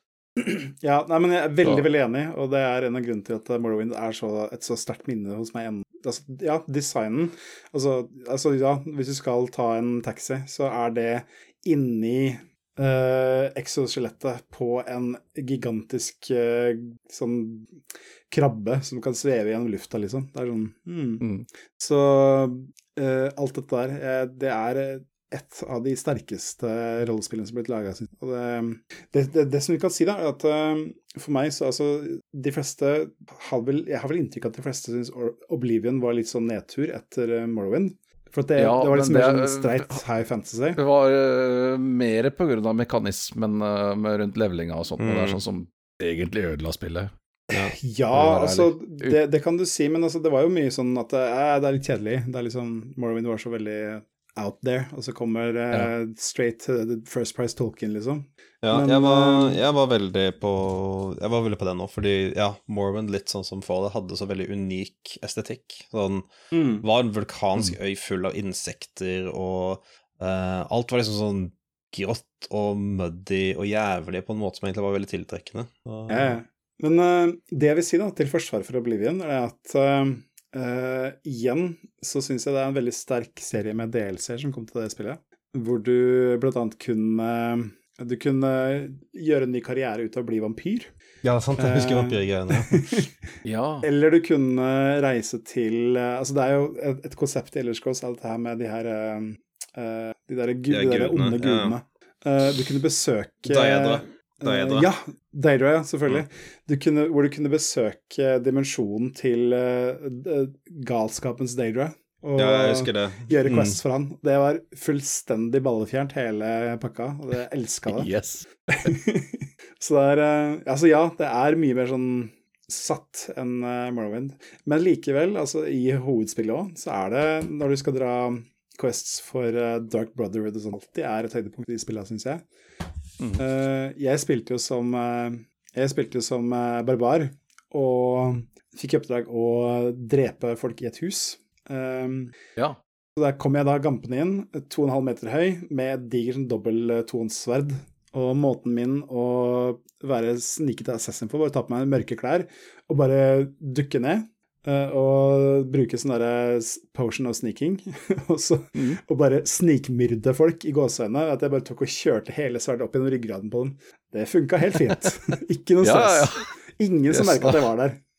Like a ninja. Oh yes. En ninja flodhest eller noe sånt. ja, stemmer. Ja, nei, men det er sånne ting. Altså, jeg, som sagt, jeg, jeg, uansett hvor på en måte de forenkler den formelen, og hvor mye de resirkulerer, og mye de nekter å oppgradere tekken sin, så klarer ikke å ikke like Elder Scrolls, altså, og Bethesda-spill generelt. Og det er, eh, som Sindre sa, det er med at verden er så veldig detalj og har så mye rart. Ja, men jeg klarer ikke å være så hodestupsforelska i dem. Jeg, jeg liker dem såpass at jeg, jeg spiller de fleste av disse både nyere Fallout-spillene og, og Elder-spillene minst én gang. Mm, mm. Men, eh, men det blir gjerne bare med den ene gangen. Ja da, det er greit nok. Så Skyrim, for eksempel, som jo eh, er jo blitt eh, oppgradert og gjenutgitt oppå i mente og blir spilt noe jæsklig folk den dag i dag. Der, Ja. Jeg spilte det på PC da det kom ut, Mhm. og, og har ikke rørt det igjen. Jeg er ikke interessert i å røre det igjen heller, men, men jeg koste meg med det da det kom. Ja. Det er, det, Definitivt. altså, det, det er det. Altså, du kan si Morrowind er liksom et spill jeg kan komme tilbake til når som helst. omtrent. Men uh, Skyrim har jeg prøvd å komme tilbake til. Uh, spilte VR-versjonen, blant annet. Uh, men mm, Ja. Det funker Ikke ikke. Det funker ikke på samme måte. Nei. Men eh, ja. Nei, altså, men nå er, vi, nå er vi faktisk eh, under en uke unna det neste Bethesda-spillet, som er Starfield. ja. Og, Der er jeg håpefullt avventende, for å si det pent. Ja. Altså, jeg, jeg, Mm. jeg gleder meg, og det er eh, selvfølgelig kombinert med at jeg liker Bethesda-spill, og med at jeg abonnerer på GamePass, så jeg får, Ja. får det uten å betale noe ekstra. Så Det er, det er et spill jeg høyst sannsynlig kommer til å spille. Altså, det skal få helt krisemottagelse av de som spiller det først, eh, for at det ikke skal skje. Altså, det er jo, det er jo blitt lekka klipp og liksom, ja, uh, boundary reached, please turn back, og så. Og så har du Ja, litt sånn småjank, ja, men Ja, så har du den derre de samme ræva animasjonene som alltid, hvor det kommer en vakt og bare. Stop, you can't be here! Og så bare Fuck you, guy! Og så blir det Oh, this is murder! Oh no! Og så står han liksom og spinner sånn awkwardly og skal finne et sted å skyte deg fra, og så dreper du den fugl. Det er liksom Det janket der, det, det, det, tok jeg for gitt lenge før dette her kom ut, ikke sant? Og det, det er jo den spillmotoren. Det er det kommer samme gamle aldri til å bli fiksa. Nei, det, de, kommer, de, kommer, til å fortsette å klatte på nye ting på den motoren til de dør, altså. Det. Ja, ja, ja, ja. Men uh, ja. Nei, altså, jeg gleder meg til Starfield. Det er ikke noe mer å si om det. Yes. Ja. Men, Men ja, vi, nå er vi jo blitt brakt tilbake Nå er vi brakt til nåtiden. Er det ja. Føles som et naturlig punkt å kanskje rappe opp, nå som vi har eh, ja, har passert totimersmerket for en god stund siden. ja, ja. er en liten ting jeg bare har så lyst til å skyte inn, men, som vi ikke trenger å snakke, snakke mye om. og det er, eh, Da vi starta på Fallout, så ble det nevnt at eh, det, da var det endelig noen spill som gikk en annen vei enn fantasy-sjangeren. Mm. Men, altså, men det, var allerede, det var allerede gjort flere ganger. ja da. Vi har ikke vi har ikke snakka om cyberpunk-spill. Nei, det, er jo, det er sant, det. Og, ja, ja. ja, og der vil jeg i hvert fall uh, bare gi shoutouts til Shadowrun. Mm -hmm. og også, men også et litt uh, mye mindre kjenthet som heter Bloodnet av Cyberpunk Gothic. Ja, det har jeg faktisk ja. spilt. Det er, yes. Men er ikke det mer et adventure-spill enn et rollespill? Mer, ja, men jo da. Nei, du har rollespilldelen der også. Det er uh, en ordentlig sånn character sheet med masse stats og og statstricks mm. og ja, kamper. Ja. Fullpakke. Men det er også veldig mye et uh, adventure-spill, ja. Men, ja. Ja. men, det var så unikt for den tida det kom. Stem jeg syns stemninga i det var upåklagelig. Og det å ha en uh, sånn futuristisk cyberpunk-greie som også er en vampyrfortelling, mm. og ja, også er et rollespill og eventyrspill i samme slengen. Sånn, det, var, det var kanon. Oh shit. Ja. Så, ja. Ja, altså, vi, ja, fortsett. ja, nei, jeg skulle bare si at vi, vi, vi, har jo ikke nevnt det, men altså Shadowrun fikk jo en liten renessanse for uh, jeg vil si ti år siden. Ikke hvor lenge siden. Ja, ish. Ja. ja, Så det kom en uh, tri trilogi? Mm, er, det ikke, er det ikke bare to spill, da? Nei, det var Returns, og så kom det Kom den derre Cult of the Dragon, eller hva det er for noe? Ja, det, var to, mm. det, det, kom liksom to spill til som var satt i to andre byer. Jeg er ganske sikker på at det var tre. Okay. Ja. Da gjør vi bare én ting, og det er selvfølgelig å google. Yep. Shadowrunners.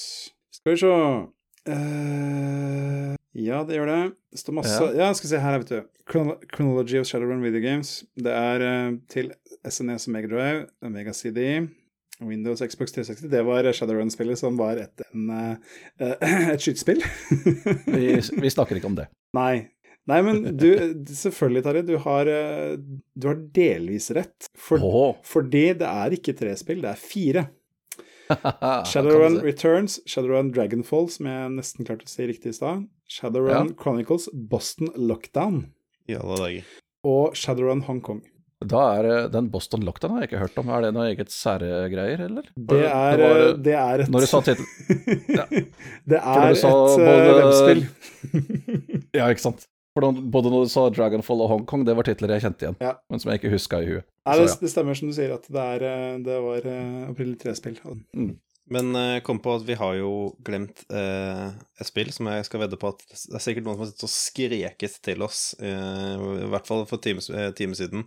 Mm -hmm. Vampire the Masquerade. Ja, selvfølgelig. Ja. Oh, ja. De var jo det... de, de, var også jævla fete rollespill i sin tid. Spent på å se hvor bra de har eldes, men ja, uh, altså det, det, kom jo Jeg husker det at det var et uh, Det kom et som het Vampire the Masquerade uh, og noe som ikke var det helt store. Det var mer sånn tredjepersons, mer sånn streit adopsjon av rollespillet. Så kom jo Bloodlines mm. Mm. i 2003, vil jeg si. Kom ja, det rett riktig. Før Half-Life 2. Ja, det er den jeg tenker på, ja. Um, ja. som Altså, de kan jo spille det i dag med en fanpatch som er veldig bra, som fikser veldig mye av janken Um, men det er også en Det er også en bauta, syns jeg. da. Det er jo sånn mm -hmm.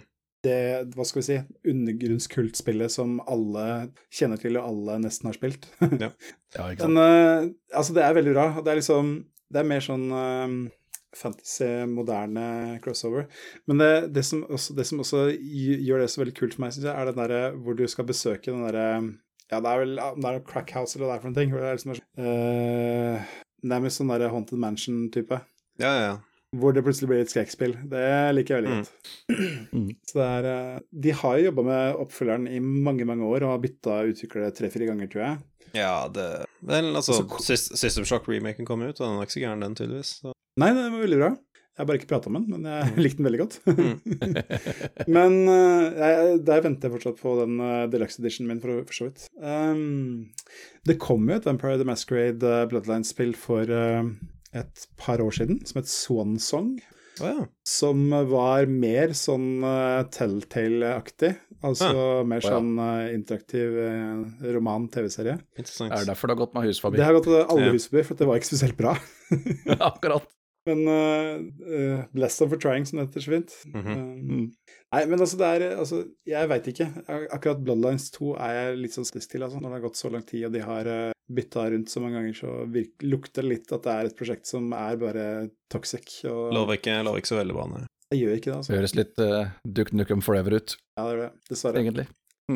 Ja, nei, men altså, det er, Hvis vi skal etablere en kanon, så Det er ikke noe vits i å gjøre det engang, selvfølgelig. Men det er liksom De som på en måte er sterkest for meg, er jo Vi har jo nevnt alle sammen. Vi har uh, Boulders Gate, Planescape Torment, vi har uh, Fallout, vi har uh, Morrowind og Bloodlines. Mm. er, eh, Da har Men- du La oss ikke glemme Omicron, The Nomad Soul av Nei, selvfølgelig!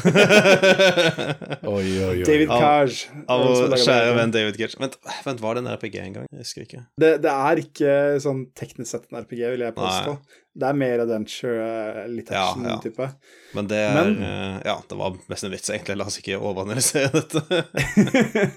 La oss ikke bruke for mye oksygen på Omicron, The Nomad Soul. Nei, vi får ikke gjøre det.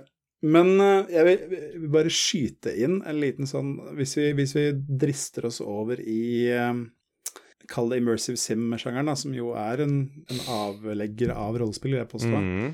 Uh, bare nevne et veldig I den litt samme typen, som er litt underrated. og Det er et som heter I, Divine Cybermancy. Jepp. Den, er- Da, den er der, der skal du ha veldig høy jank-toleranse for å spille Mhm. det, riktignok, men uh, det, er, det har noen ganske fete ideer, altså. Så det er mm. Nevner det Og- bare, og så kan vi Hvorfor ikke, slutte. hvorfor ikke å glemme Pathologic, men nå begynner vi kanskje å tøye litt Mhm. grensen av mm -hmm. RPG. Mm -hmm. Ja, jeg syns ikke vi tøyer det så veldig langt for å komme til Mm. Pathologic, men uh, greit nok, vi lar det ligge der. Vi har holdt på i snart to og en halv time. Ja, det, det må begynne å nærme seg et sluttpunkt til dette her. ja. Ja, Det er uh, fort, fortsatt ting jeg også har lyst til å nevne, men eh, det er det jo alltid, vil jeg si.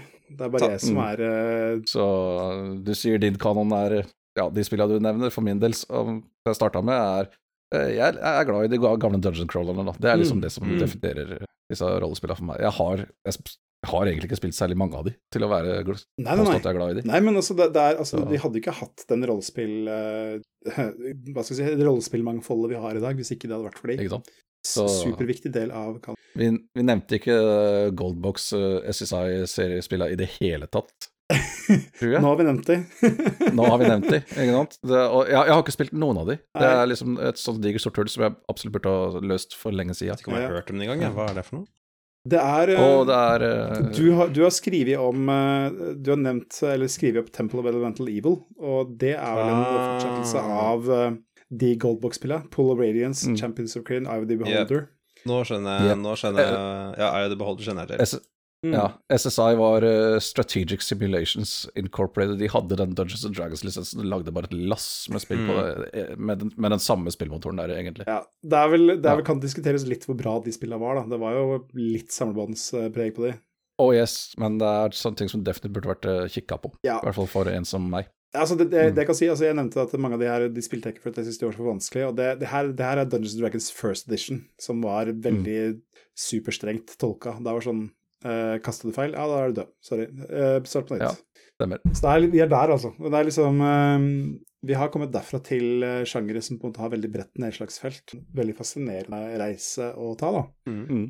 At vi liksom har eh, Altså, rollespill var nisje da jeg var liten, og nå er det liksom oh, oh, oh, yes, disse dungeon crawlerne var absolutt ikke Eller altså, de var jo kjente og an anerkjente spill, Mm. ja, men altså, det var de færreste Det hadde ikke et bredt nedslagsfelt likevel. Nei, langt ifra. Nei. Og nå er det nesten ingen spill som gis ut uten en slags rollespillmekanikk i seg. Så Stemmer. det er eh, artig for, i seg selv. Ja, numbers that go up, og som sier pling med en liten trophy eller achievement oppi i toppen, det er, det er Ja, det er spilldesign i dag. Mm. Ja, vi skipper jazzespalten. Vi uh, sveiper så vidt mm. innom. Vi sier at uh, vi har en e-postadresse som man kan sende e-post til. Det er hets, alfakrøllspillegall.no. Den er det sikkert mange som har lyst til å sende til akkurat nå. Ja. Uh, og så har vi selvfølgelig, vi gjemmer selvfølgelig godbiten til slutt, så vi tar lytterspalten akkurat nå. Og da er det en person som har insistert på at hen ville være anonym. Mm -hmm. okay. Som ikke var så veldig anonym, Mist... men som da la, oss, la, oss se, la oss se om vi klarer å finne ut hvem dette her kan være, bare basert på kontekst. som vi da refererer til som Kukken. Uh, ja. Som da sier uh, dette er en kritikk av den uh, episoden vi lagde om spill med plastdingser som tilbehør. Mm -hmm som, hvor eh, meldinga da er Hvordan i dager kan dere snakke om Buzz uten å snakke om Buzz-killeren til Microsoft? Seen It eide så mye og handla bare om film. Har dere spilla det, eller? Tre spørsmålstegn. Med vennlig hilsen Kukken. Uh, nei, Kukken, vi har uh, Jeg har ikke spilt det, og det er fordi jeg har uh, i hvert fall litt selvrespekt i behold. Så der har du det. Ja. Nå får vi vel en enda hyggeligere mail neste uke, tenker jeg. Mm. Ja. Så uh, nå blei denne episoden veldig lang. altså Jeg må bare få nevne at uh, jeg og Sindre hadde tenkt å komme med en uh, liten rapport fra at vi har vært på retromessa, mm. men det får heller bare bli neste gang. Spar neste gang. Nå er det langt allerede. nå har ja, vi, nå vi prata nok om spill fra før jeg ble født, så ja, vi får, ta, vi får, ta, en egen special episode med bare rapport fra retromessa, kanskje. Mhm. Ja, det er, det er, faktisk nok å ta av. Ja. Det er derfor vi nesten må skippe det, for det, det blir ikke så kort. Nei, Nei, men, eh, Nei. men, det mener jeg. Vi kan ta, vi kan ta en episode hvor dere får lagt ut om det. Jeg vil gjerne høre på. Mm. Yes, da skipper vi jazzespalten. Vi går videre til uh, ukens sponsor. Episodens sponsor, ikke ukens, unnskyld. Som da er selvfølgelig Knarkens Grøde, Innlandets fremste doppelag. Ja, sponsa ja. uka mi, han, altså. Han sponsa litt hardt. Så ja, hvis du syns ja. det er teit gjenbruker eh, ti år gamle forumvitser jeg har dratt for lenge siden i, i podkasten, så kan du sende en mail om det til hets. No. Takk for at dere hørte på.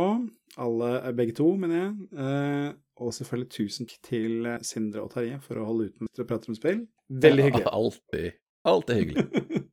yes. yes. Da runder vi av. Tusen takk for nå. Ha det bra. Ha det på det.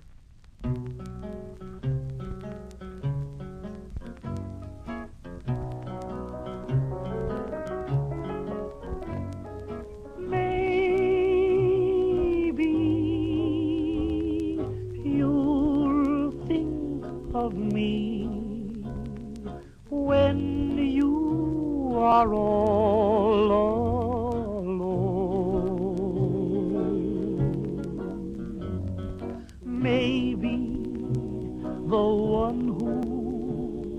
is waiting for you will prove untrue. Then what will you do? Maybe you'll sit and sigh, wishing that I were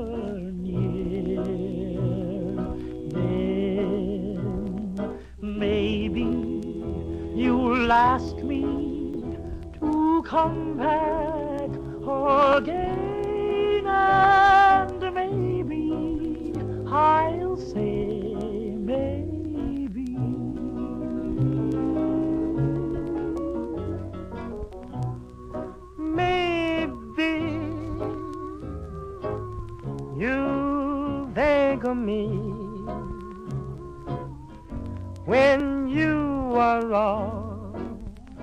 Alone.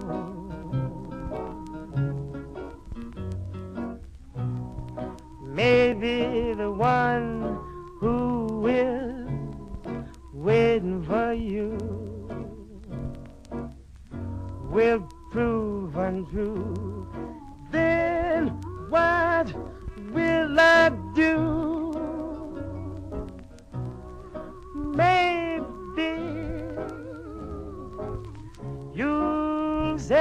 Inside wishing that I were near. Then maybe you'll ask me to come back again.